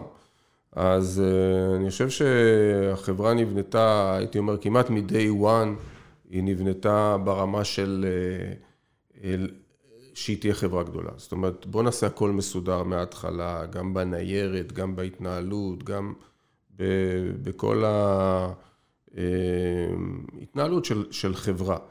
אז ברור שככל שגדלנו, יכלנו להביא גם מאוד אנשים מקצועיים וכולי וכולי, אבל ההתנהלות של החברה היא מאוד אה, מסתכלת על ה... איך זה ייראה חמש, בעוד חמש שנים, איך יסתכלו אחורה. אתה לא... אתה לא... מבין שאתה תצטרך לתת שלוש שנים של דוחות למישהו. לגמרי, אתה לא קם בבוקר ואומר, רגע, בוא, אני אסדר אה, שבע שנים אחורה, זה לא, זה לא עובד ככה. זה, זאת אומרת, יש אנשים שנקלעו לסיטואציה הזאת, אבל אם אתה בעל ניסיון, אז אתה מראש אה, מנקה את זה. אגב, זה קל, קל להיות מסודר. אם אתה מסודר מההתחלה... בעיניי זה הרבה יותר קל מלכתחילה, זאת אומרת, לקבוע יעדים ולעמוד בהם, זה כל כך הרבה יותר קל מאשר אה, להתפרע וכל פעם מחדש לנסות להבין איך פיקששת. כן. לא, זה, זה בהחלט... אה... איך זה, אני רוצה לפני שנעבור לשאלות מהקהל, מעניין אותי, נדיר שרואים כאלה פערי גילאים בין שותפים. איך זה אצלכם? אה... זאת אומרת, אני רואה נגיד החבר'ה של למונייד שהקימו חברה מפוארת, הם כולם בני, אתה יודע, 45-50, יש, הרבה פעמים כאלה יזמים נורא צעירים, ופה אצלכם אתם ממש, אה, יש סיכוי שאתם הצמד עם הפער הכי גדול שפגשתי. אה, יש סיכוי, יש סיכוי, אז אה, האמת היא שאף פעם לא התייחסתי לזה, לא, לא, לא באמת, זאת אומרת, יש את הדחקות הקטנות, אבל... כן, אז זה בכל מקום. כן, אבל לא, לא מעבר לזה. אני אעזוב את הגיל הביולוגי, אני חושב שבשביל להיות יזם, בשביל לקום ולעשות עוד חברה, אז אתה צריך את הדרייב הזה. מאיפה זה בא לך? אני אוהב לעשות יש מאין. זאת אומרת, הדבר שהכי מרתק אותי בעולם הזה, זה תחשוב על כשאתה מייצר חברה, אתה אומר, אין ופתאום יש. זה, זה, בעיניי זה פלא. זאת אומרת, זה, זה הדבר הכי... הכי מרתק ש... זאת אומרת, אנשים בונים בניינים, אז זה גם, אני חושב שבסוף, אתה יודע, הם נוסעים ברחוב, אומרים, אתה רואה, הבניין הזה, אני בניתי אותו. אז... התחלת להתמקד בלהשקיע, שזה די קרוב לעשייה. אבל זה פחות מתאים לי.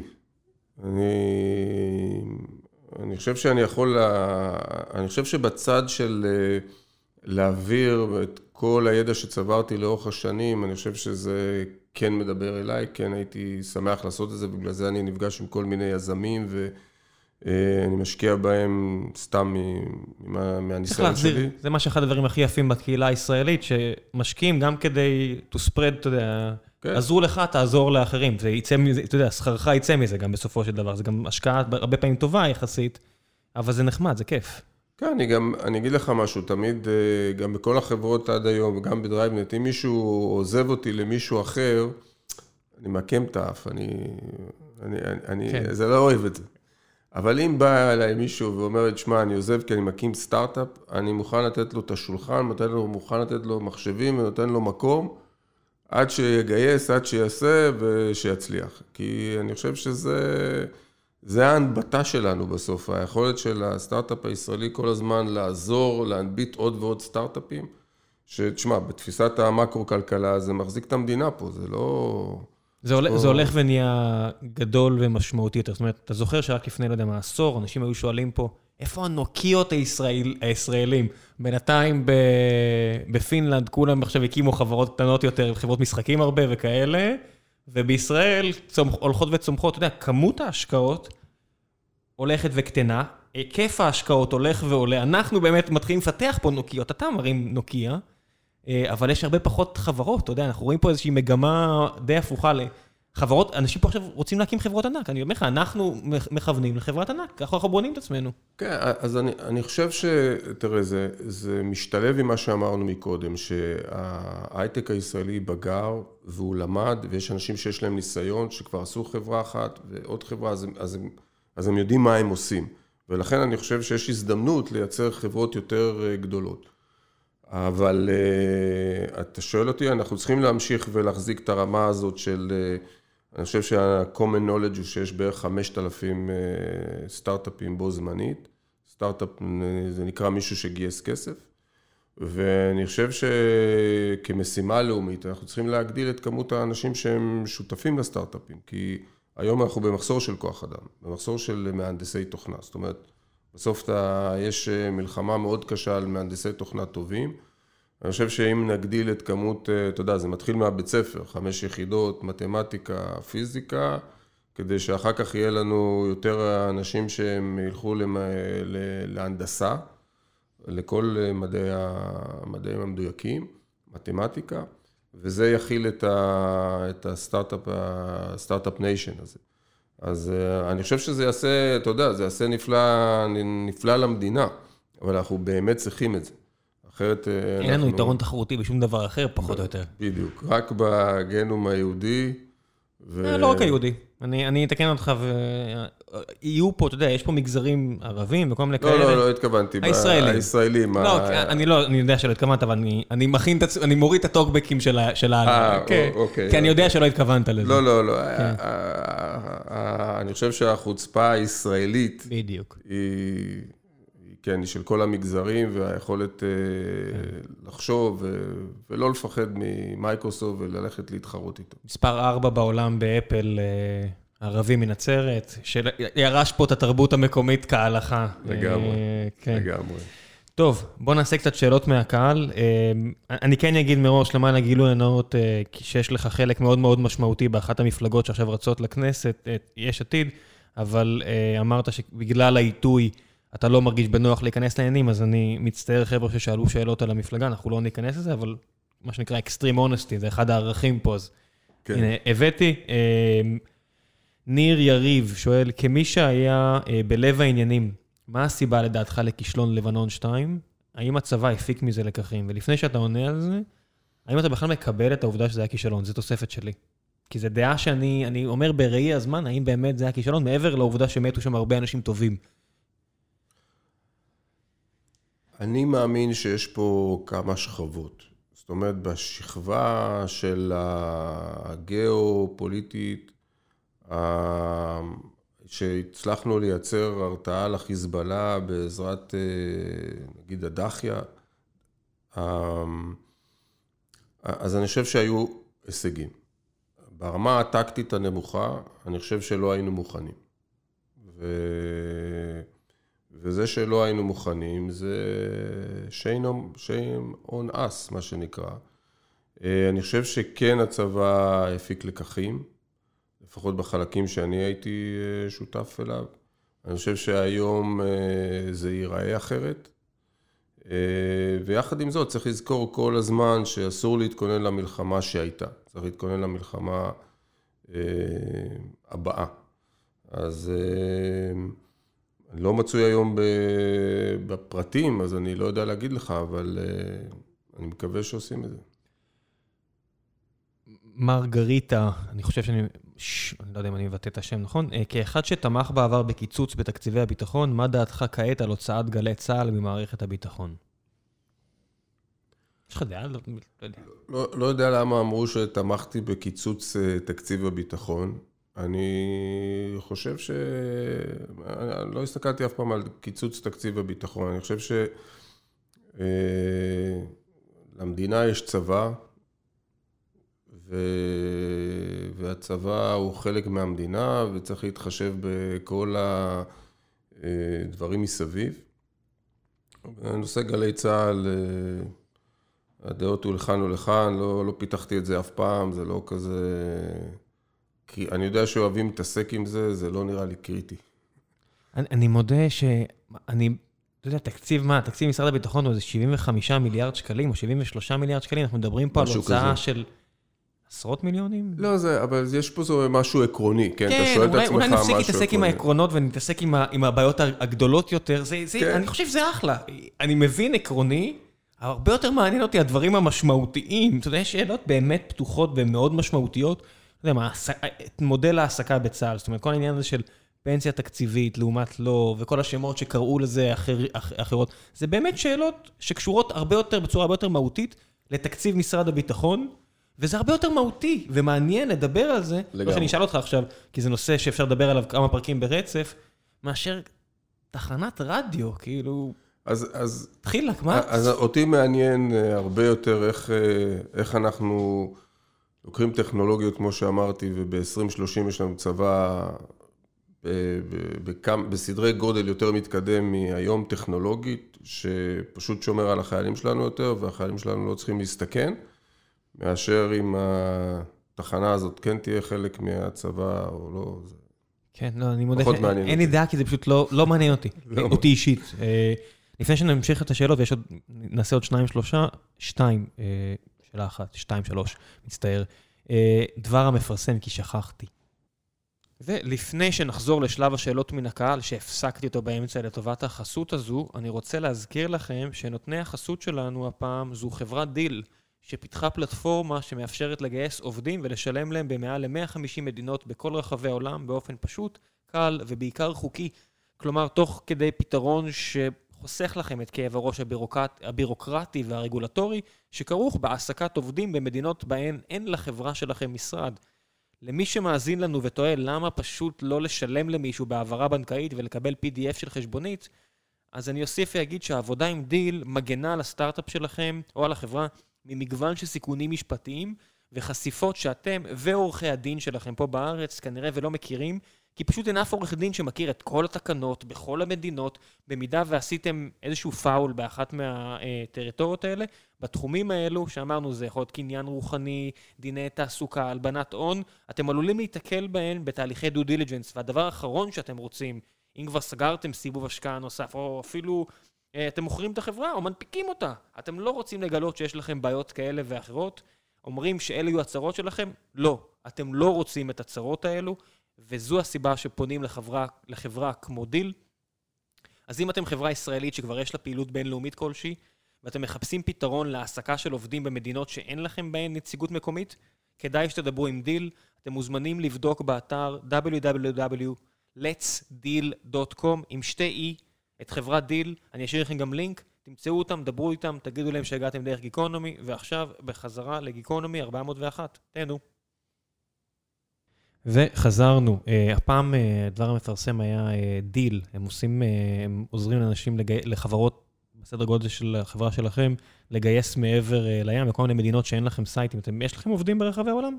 כן, בוודאי. מפתחים גם, או רק אנשי מכירות וכאלו? לא, יש לנו מפתחים ברומניה, זה המקום היחידי, כל היתר יש לנו אנשי תמיכה ואנשי מכירות. ברומניה?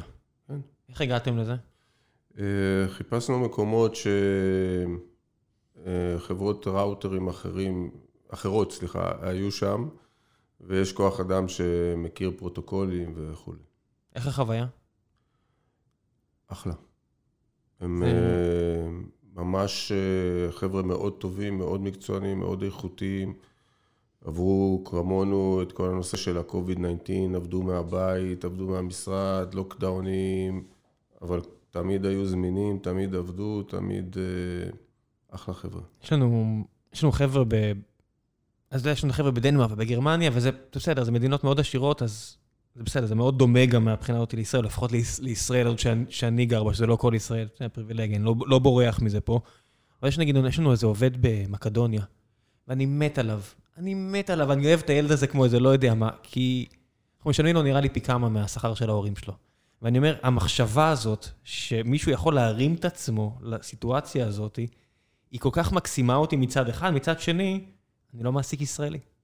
זאת אומרת, אני כן מעסיק הרבה ישראלים, אבל ספציפית, התפקיד הזה, כי אין מה לעשות, כי הגבולות ירדו, ואני יכול להשיג עכשיו בכל העולם, עם, עם כמו... לא, אבל, אבל אמרתי לך, זה משהו שאני הייתי מעדיף להגדיל את ה site פה. אני, אני חושב ש... אמרתי את זה לפני זה, אני חושב שאנחנו צריכים לעבוד מאוד קשה כמדינה, כדי להגדיל את כמות האנשים שמעורבים בהייטק הישראלי, זה יעשה טוב לכולם. זאת אומרת, אנשים גם ירוויחו יותר, התוצר לנפש תעלה, ההכנסה הפנויה תעלה, רמת החיים תעלה. זה, זה רק טוב ואנחנו צריכים להשקיע בזה. כן, מעבר לכך, אתה פשוט לא מתכנס מעבר, אין מה לעשות. אתה מסתכל על איזה שכבה משלמת בארץ מס, וזה הולך וקטן. זה, זו האמת, אין מה לעשות, אתה חייב להעלות פריון של כמה שיותר חלקים באוכלוסייה, ואני לא רואה שום דרך אחרת. זאת אומרת, ישב פה, ישבו פה חבר'ה מביוטכנולוגיה, למשל, אמרו, תקשיבו, אולי ייצור. אולי נחזור לייצור, אבל במקומות עתירי ידע. זו אפשרות אחת, אני מקבל. לא, בהחלט, ייצור של מפעלים רובוטיים לחלוטין, שרק, אה, אתה יודע, טכנאים ומהנדסים מפעילים אותם, זה בהחלט אפשרי. כי בסך הכל יחידת אנרגיה פה במדינת ישראל היא דווקא נמוכה יחסית. אבל, אה, אבל שוב, אתה יודע, אנחנו עושים בחירות ומדברים פה על מפלגות. ו... זאת אומרת, לא מדברים. לא מדברים, אבל לא מדברים. עושים. אבל, אה, אבל באמת, זה מה שצריך לעשות. אין, אין, אין טעם, יש פה ילדים נפלאים שהם יכולים להיות חלק מההייטק הישראלי, עם עזרה קטנה, עם הכוונה נכונה, ולכולם יהיה פה הרבה הרבה יותר טוב. כן, יש הרבה חבר'ה בימין הכלכלי, ההארדקור, שאומרים, המדינה לא צריכה להתערב, למה? אני מסתכל על דוגמאות כמו דרום קוריאה, שהייתה אחת המדינות העניות בעולם בשנות ה-60, ענייה ברמה של אפריקה ענייה, אבל ממש העניות שבאפריקה. והיום אחת מהעשר מדינות הכי עשירות בעולם. אה, אין הרבה מקומות בעולם שיש בהם מפעלים לייצור סיליקון, זה פחות או יותר טיוואן, קוריאה, ארה"ב, לעניות דעתי זהו, זה טו, באמת אבל. כן. יש גם פה בארץ קצת, אבל זה לא מה שאני מתכוון. ומה לעשות, כשאתה רוצה לעשות יוזמות ענקיות, לעשות הימורים גדולים, הרבה פעמים חברות פרטיות לא יכולות לעשות את זה, ולא לא, לא שאני אומר שישראל צריכה לעשות את זה, אבל יש הימורים שסגורים לשוק הפרטי. לא, אבל אני, אני דווקא מתייחס לזה מנקודה אחרת, אני חושב שזה לא מתנגש עם ה... הימין הכלכלי, נקרא לזה ככה, העובדה שמדינה כמו שלנו, דמוקרטית, נאורה, מחויבת לעשות הכל כדי שכל ילד ימצה את הפוטנציאל שיש בו, היא לא קשורה לכלכלה ימנית, תן לכוחות השוק וכולי וכולי. זה... עזוב, זה גם סיסמאות, נו, זה לא... זה, זה, קח את הילדים, תשקיע בהם, תלמד אותם, תן להם... את כל התנאים אה, ללמוד. אין, אין סיבה שיהיה פערים, כמו שראיתי לאחרונה בעיתונות, בין אה, הפריפריה ובין המרכז, לגבי אה, גם מקצועות המדע וגם המדע והטכנולוגיה ל-8200 וכל הדברים האלה. אין, אין, אין סיבה לזה. לא, זה, זה לא מחויב הזנ... למציאות. לא, זה הזנחה של המדינה, זה לא משמיים. כן, זה, זה בעיקר בזבוז פוטנציאל. בואו נעשה עוד איזה שתי שאלות וזהו. אגם רפאלי אה, שואל או שואלת, אה, שואל, אה, אם אתה אבא, האם אתה שמח מהחלטות של איזון קריירה אבהות שלך? אם אתה סבא, האם אתה ממליץ לילדים שלך על איזון דומה? אני אבא לארבעה ילדים מדהימים, וכן, זה הרבה, בוא נגיד לפני ה-COVID-19, אז היה הרבה אבא לא בבית, כן, גם... קצין קרבי פלוס יזם, בהחלט... גם בצבא, גם אחר כך 100... בשנים שהייתי מח"ט, אז 100 ימי מילואים בשנה, וגם סטארט-אפ. אני חושב ש... אני אגיד משהו שאני מאמין בו. אחד, אנחנו מפספסים לפעמים את האיזון, אני מודה, צריך קצת יותר, אבל אני חושב שזה, האם אתה משמש דוגמה, האם אתה מודל לחיקוי, ואיזה ערכים אתה נותן גם, גם בכל דבר שאתה ניגש אליו. זאת אומרת, זה ש... אני חושב שזה שאבא עובד קשה זה גם אה, ערך. עבודה זה ערך בעיניי. כן, אני כן, לא... כן, אני גם שותף להרגשה הזו. וזה שאני מתאמץ, ו... אבל כן אנחנו צריכים לחבר להם את הדברים, כן? זה ברור שצריך לעזור לילדים לחבר את זה שעבדתי קשה ליכולת... לפרנס. לפרנס ולקנות, וזה שאתה צריך להיות עצמאי, ואתה לא צריך לחכות שמישהו יביא לך, אלא אתה צריך לעשות, ואתה צריך ליזום, ו... אז אני חושב שהדברים האלה הם חשובים. אני חי טוב עם עצמי במאזן הזה בין הקריירה, הצבא בזמנו, העיסוקים שלי לבין, ה... לבין הבית והילדים. היום זה גם קל יותר מאי פעם. זאת אומרת, אתה יודע, כולם יש סיפורים כאלה, אני זוכר מהימים של Texas Instruments, שמישהו טס, אני מקווה שאני לא טועה בפרטים, לפגישה בסן דייגו. כן, מסוג הדברים האלו, כל מיני דברים שעשינו בסאניוויל, דברים כאלה שאתה אומר, כמה שעות הייתי מעביר בשביל מה? כל מיני כאלה, ואני מסתכל היום, היכולת שלי לשים בכמה ימים אה, בלוק של שעות, שאני לוקח את הילד, אני איתו עד שהוא נרדם, אז אני מתיישב לעבוד והכל בסדר. הכל בסדר. זה כל כך שונה, היום יש באמת הפריבילגיה לתכנן את הזמן שלך. זאת אומרת, אם יש לך את הפריבילגיה הזאת, אבל כן. הרבה זמים היום יש את, העני... יש את היכולת הזו. בהחלט, בהחלט. אני חושב שאתה לא מתכחש לאתגר, אבל אני חושב שאפשר לנהל אותו. אה, צור אה, בן יצחק שואל, מה אתה לוקח מעולמות האש, שאולי היו מיושנים בזמנך, הוא אומר, אה, יחסית להיום, לעולם הטכנולוגיה, ולמה כשיצאת לאזרחות, לא פיתחת חברה שמתעסקת בפן הטכנולוגי של עולם מטרות האש? כנראה שהוא מישהו שקשור לסוגיה. כנראה שזה בן אדם שמכיר את מה שעסקתי בו בצבא, כי זה עולמות קרובים אליי. זו הייתה החלטה... מאוד אה, מודעת שאני לא הולך לתעשיות הביטחוניות. למה? אמ, כי כל העיסוק הצבאי שלי, ההחלטה להישאר בקבע, ללכת להיות מ"פ, מג"ד וכולי, זה נבע מנטו נטו ציונות. נטו ציונות. אני בן אדם מאוד ציוני. אני עשיתי כמה וכמה פעמים בחיים שלי החלטה מודעת שאני חי פה ולא בשום מקום אחר, למרות שיכולתי. אה, ואפילו ילדיי נולדו פה ולא בארצות הברית, למרות שיכולתי. עם כל היתרון בזה. כן, עם הדרכונים וכולי, ואני, ואנחנו כולנו מחזיקים דרכון ישראלי בלבד.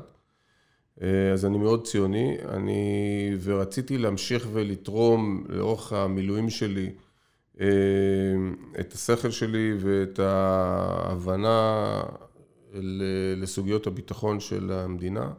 וחשבתי שאם אני אהיה מעורב אה, בחברות כלכליות כאלה ואחרות, אז זה יכול לשבש את המצפן. כן. אה, ולכן העדפתי להמשיך ולעשות הרבה מילואים, ולהתעסק בדברים אה, טכנולוגיים אחרים שלא קשורים בביטחון המדינה. יובל דיסקין ישב פה ונתן את אותה תשובה בדיוק, אמר, נורא קל למישהו במעמדי לנצל את ההיסטוריה שלו, ולא רציתי לעמוד בצומת הזו של ההחלטה, כי נורא, נורא קל להחליט, לא שאתה בצומת, כשאתה בצומת הרבה יותר קשה להחליט, לא לקחת את ההחלטה הנכונה. אני חושב שאנחנו רואים בתקשורת על הרבה אנשים ששמו את עצמם בנקודה הזו ולא לקחו את ההחלטה הנכונה. האם לנצל או לא לנצל, אבל כן. בסדר, נשאיר את זה, כל אחד עושה את ההחלטות שלו. לשפוט, לשפוט נורא קל מבחוץ, זה בטוח. כן. זה הכי קל. טוב, תן לי המלצות.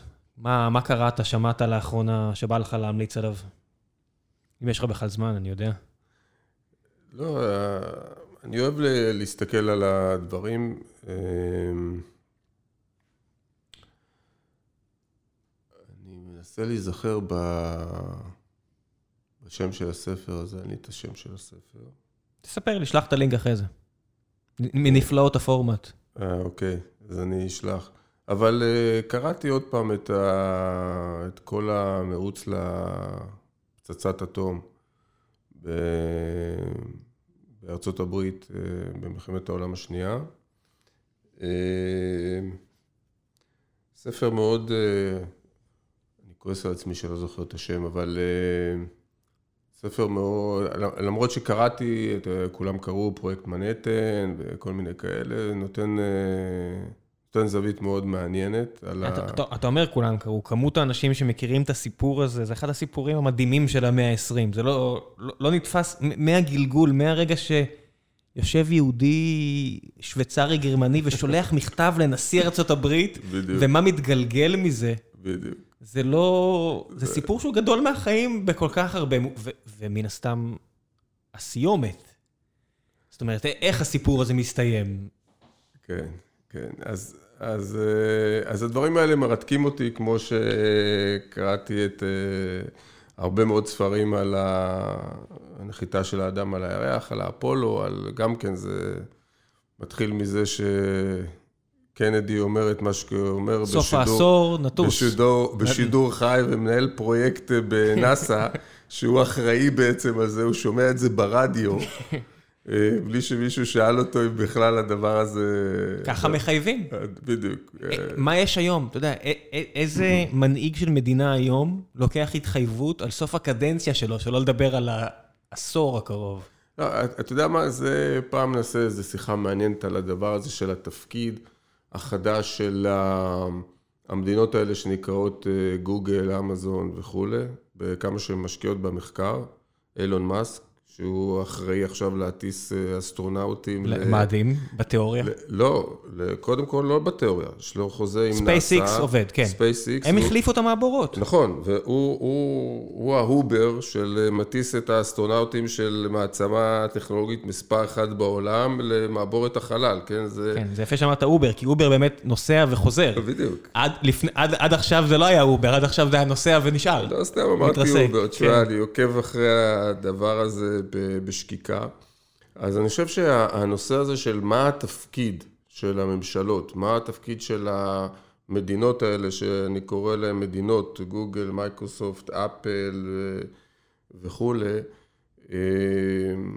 באחריות לפתח דברים ולהמציא דברים ולהריץ את הקדמה קדימה, וזה נושא מאוד, שמאוד מעסיק אותי. בעולם של איך העולם צריך להיראות, והמשאבים שלו, ולאן זה הולך, וזה מאוד מעניין. כן, המערכת יחסים בין מדינות שבעצם אמונות על הכסף, בסוף כל הכוח של כסף זה שיש מדינה מאחוריו, או מדינה אחת עכשיו, פחות או יותר. אז יש נגיד שלא מדפיס כסף, אבל יוצר יותר כסף מאשר שהיה לפני כן, ואז רובו נגיע למספר חברות, ואיזה אחריות יש להן. כן. לעשות, לעשות מה שאפשר לעשות עם הכסף הזה. כן, ותראה, ותראה, הן מחליטות שהן אה, הולכות אה, ועושות מחקר במשהו, וזה, והן יכולים לשים על זה יותר משאבים מאשר רוב המדינות בעולם. הרוב המוחלט של המדינות בעולם. מתוך 200 מדינות, כן, הרוב המוחלט של המדינות בעולם. זה, זה מטורף. תחשוב שאיזה, איזה כוח זה, ואיזה אחריות זאת, והאם הם, ואיך הם מממשים את האחריות הזאת. ובסוף אה, אתה יודע, זה, יש לזה השפעה מכרעת. אם, אם אילון מאסק אה, לא היה עושה את SpaceX, אז אני חושב שלא היה טילים שהיו יודעים לחזור בחזרה ולנחות על כדור הארץ. סביר מאוד להניח שלא. כן. כמו שמכוניות חשמליות היו לפני טסלה. אתה יודע, יש הרבה דברים שהיו לפני שסטיב ג'ובס החליט להפוך אותם למוצר מנצח. לגמרי, לגמרי. אבל אני אומר, אבל כל המשאבים האלה שיש להם, שהם משקיעים עכשיו ב... ב בתרופות, הם משקיעים בכל מיני מחקרים, זה משימות ענק, שפעם היו מיועדות רק למדינות היו יכולות אה, לעמוד בהן, ועכשיו זה יותר רחב, והשאלה איך אה, משלבים את זה נכון. אני אמליץ על אה, סדרת פרקים של בחור בשם דן קרלין, יש לו פודקאסט בשם Hardcore History, כל פרק הזה זה קרוב לארבע שעות, שהוא ברמת הפירוט הכי מדהימה, אבל עושה את זה מעניין, אז יש לו סדרה עכשיו של חמישה פרקים, זה 20 שעות, זה כמו ספר מאוד מאוד עבה על המלחמה בפסיפי. שכישראלי זה פחות נוגע לנו, אנחנו לא כמו אמריקאים שגדלנו על האתוס הזה, שזה האתוסים שלהם מעבר ל-D-Day. כן. אז זה זה, וזה באמת, אה, כל מה שעבר לי בראש, שסיימתי להאזין לזה אתמול, זה כמה רכים אנחנו. הוא, הפרק הזה מתאר את המלחמה בפפואה ניו גיני, בין יפנים שפשוט חיים שם בג'ונגל, וחיל המשמר האוסטרלי שאיכשהו מצא את עצמו קו הגנה אחרון לפני שהיפנים פולשים לאוסטרליה. ואתה יודע, זה סיפור כזה שבכל מה שקרה בשנים האלה, באותה זמן בדיוק יש סטלינגרד. מי בכלל מסתכל על חבורה של אנשים שנלחמים בג'ונגל, באי עם אנשים שלא פגשו אף אחד? וזה לא נתפס. אבל אתן לך זווית מעניינת על ה... אותי היא תמיד מרתקת על הדבר הזה.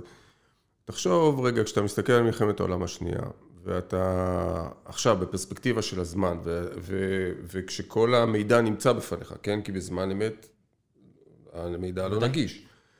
אבל, ואז אתה מבין את כל המהלכים, ומה השפיע על מה, ואיזה החלטות קיבלו, וזה, ואז פתאום איזשהו קרב, ואיזשהו משהו שקבע חיים ומוות של אנשים, או חוויות מאוד קשות, הוא נראה לך זניח, כאילו, אתה יודע, כשאתה מסתכל על התמונה הגדולה, הוא אומר, מה, זה כבר היה משנה אם אה, הגבעה הזאת או הגבעה הזאת, וזה...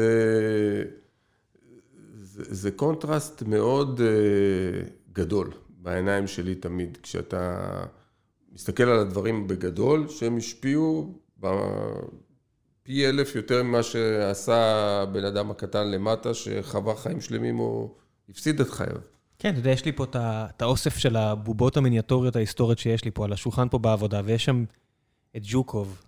ואתה מסתכל על בן אדם שבאותו קרב בסטלינגרד, שעשה מארב עם מיליון אנשים, מיליון לוחמים. מה, אתה יודע, לא, אי אפשר לדמיין את זה, מה זה מארב עם מיליון לוחמים, אבל בעיר עצמה, הוא השאיר חבורה של אנשים שסבא שלי היה שם, ואמר להם, תישארו עד הבן אדם האחרון, אני צריך שתרוויחו לי קצת זמן. כן. ואתה מדבר על מאות אלפי אנשים שמתו. וזה החלטות שהן לא, לא נתפסות, ואז אתה מגיע לקרבות כאלה פסיפיים, שזה ממש אחד על אחד, זה כאילו כבר אתה אומר, אוקיי, מלבנון אני יכול לדמיין, אה, זה יותר נגיש לי, הדברים, הדברים הגדולים, אני לא יכול אפילו לדמיין איך זה מרגיש, אני לא יכול לדמיין איך זה נתפס, זה לא, לא, ותחשוב לא בעולם שלי. ותחשוב שסטלינגרד זה בכלל טעות של היטלר, כאילו... אין שום סיבה. מה, מה אתה עוצר ונלחם שם? אתה בכלל היית בדרך לבארות הנפט, מה... כן. כי יש את הסטל, יש, יש את המילה סטלין בשם. בדיוק, בגלל שזה סטלין, ואתה לא עכשיו, ועכשיו אתה כמו איזה ניאון בלילה, אתה הולך, אתה הולך אליו, אתה נמשך אליו מאיזושהי סיבה לא הגיונית, אתה בכלל הולך להביא את כל הנפט שאתה צריך לטובת הצבא שלך, ואתה פתאום, רק בגלל שקוראים לזה סטלין, אתה יודע, אם היו קוראים לזה משהו אחר, אז הוא לא היה עצר שם, ולא היה כל האירוע הזה מתרחש בכלל. כן, וכל אנשים שם, שזה אפילו לא רוסים, זה סבא שלי שהגיע ממולדובה, והם אולי רומנים בצד השני, כן. ואמרו להם, אתם לא עוזבים את העיר הזו, שמה שנשאר ממנה כמה קירות, זה כי קוראים לזה סטלין. לגמרי. וזה, ואז מצד שני, אז את הסיפורים האלה הכרתי, גם זכיתי קצת לשמוע ממנו לפני שהוא הלך לעולמו, אבל על יפן, אתה יודע, אנשים אומרים על הפצצה האטומית. ונחשפתי פעם ראשונה בשנים האחרונות לקרטיס למי, הגנרל האמריקאי, כן. שלקח את ההחלטה הקשה של לשרוף את יפן. הוא בלילה אחד הרג יותר יפנים, יותר בני אדם, מאשר בהיסטוריה האנושית לא מתו כל כך הרבה אנשים, כמו בטוקיו. לילה אחד בטוקיו. אנשים מכירים את נגסקי ואת הירושימה, אבל לא מבינים שהסופות אש שהבן אדם הזה עשה, מהרמה שלו, לקח מדענים באוניברסיטאות הכי טובות ואמר להם, תמציאו לי אה, פצצה ששורפת טוב מאוד. ואנשים עשו את זה.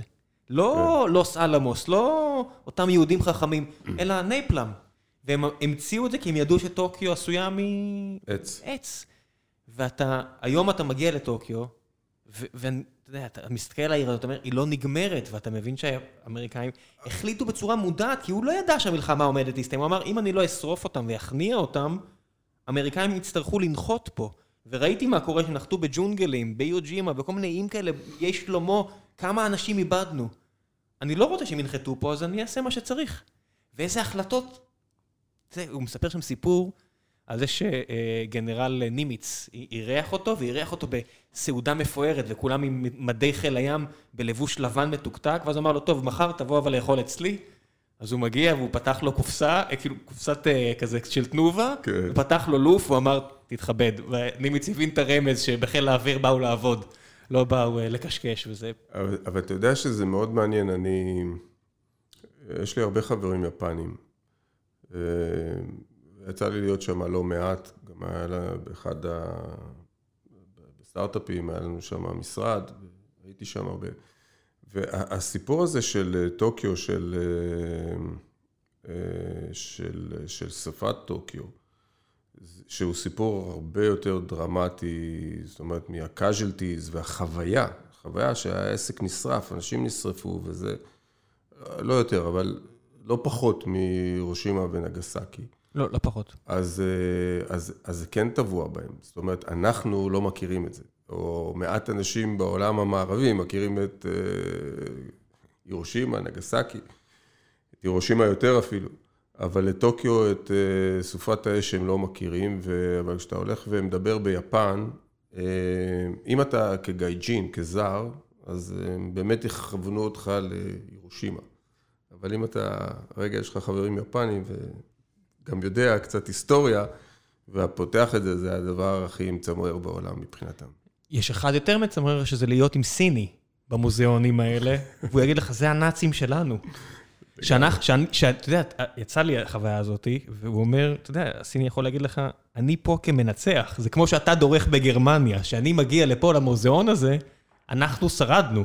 אתה יודע, אתה מבין... כן, אנחנו לא במעמד של שופטים מי עשה יותר. לא, לא שופט, היפנים עשו דברים נוראים כן, בסין, לא... אין סיפור, אין, ספק. עבור אבל... הסינים, אבל כן. מבחינתם, המשקל הזה, אי אפשר לבטל אותו, אתה יודע, שהם רבים על סנקאקו ולא יודע, על שני האיים האלה, שכל אחד קורא לו איך שהוא רוצה.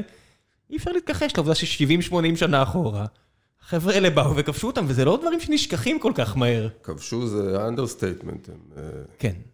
אז אחד הדברים שהוא מספר שם, ואולי נסיים בזה, שהוא מנסה להבין מאיפה מגיעה האכזריות. הוא אומר, יש שלוש דרגות של אכזריות, שלוש מקורות. הוא אומר, יש מקור תרבותי, שזה למשל המונגולים. זאת אומרת, הם לא רואים את זה באכזריות. איך שמה שהם עשו לעמים שהם כבשו, בגדד וכאלה, זה פשוט, זו התרבות, הם לא בדואים.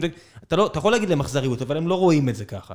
ואז יש דרגה אחת מתחת, שזה הנהגה. זאת אומרת, כשאתה שומע את הביטויים של היטלר, הוא אומר, אנחנו נצטרך לעשות בפולין דברים שההיסטוריה לא תסלח. הוא לא מדבר על היהודים אפילו, אומר, אנחנו נצטרך להכניע אותם בצורה ש... זה אירופאים, להרוג אירופאים זה לא טריוויאלי עבורם. ויש את הרמה של, של הקצינים בשטח. והוא מספר שמה הקצינים היפנים עשו, שכל פעם שהיו מגיעים לאי חדש, ללוחמים חדשים, הם אומרים, לך תדקור עכשיו אסיר, אה, תתאמן עם הביונט על אסיר חדש, ואתה אומר, מאיפה זה הגיע? מאיפה הדרגה הזו של אכזריות אה, נבעה? בטח שאתה מסתובב שם היום, וזה העם הכי, הכי לא כזה, עד שאתה חי שם קצת ואתה רואה את ה... אנחנו לא... שוב, לא... במעמד אני... של שופטים, לא, אין פה לשפוט, אני, זה ברמה של עניין. זה שוב, זה, זה כן, לא... זה מאוד, אנחנו, זה... אנחנו חיים במדינה שאני לא בורח מזה, שכובשת עם אחר, כן, אני לא, בטח שלא אשפוט אף, אף אחד אחר, ואני שירתתי בשטחים, ואולי יום אחד יגידו שמה שאני עשיתי... צריך להישפט עליו, הכל בסדר, אני לא, לא הכל בסדר, אבל אני אומר, בסדר, כן. מהבחינה הזו. אבל רק ברמת העניין, איזה, מאיפה זה מגיע, אתה יודע, זה לא... כן. אני מאוד, ממליץ, אני אשאיר את זה, מי שיש לו את הזמן ואת הסבלנות לשמוע, דן קארין עושה עבודה מדהימה, מדהימה, מדהימה, בהנגשה של הדברים האלה. תודה רבה, הלל, על הזמן שהקדשת לי. תודה רבה, היה כיף גדול. שיהיה בהצלחה במשימה הזו שאנחנו לא דיברנו עליה, וגם במשימה שכן דיברנו עליה. שיהיה לך בהצלחה גם שם, גם שם. תודה רבה. תודה רבה.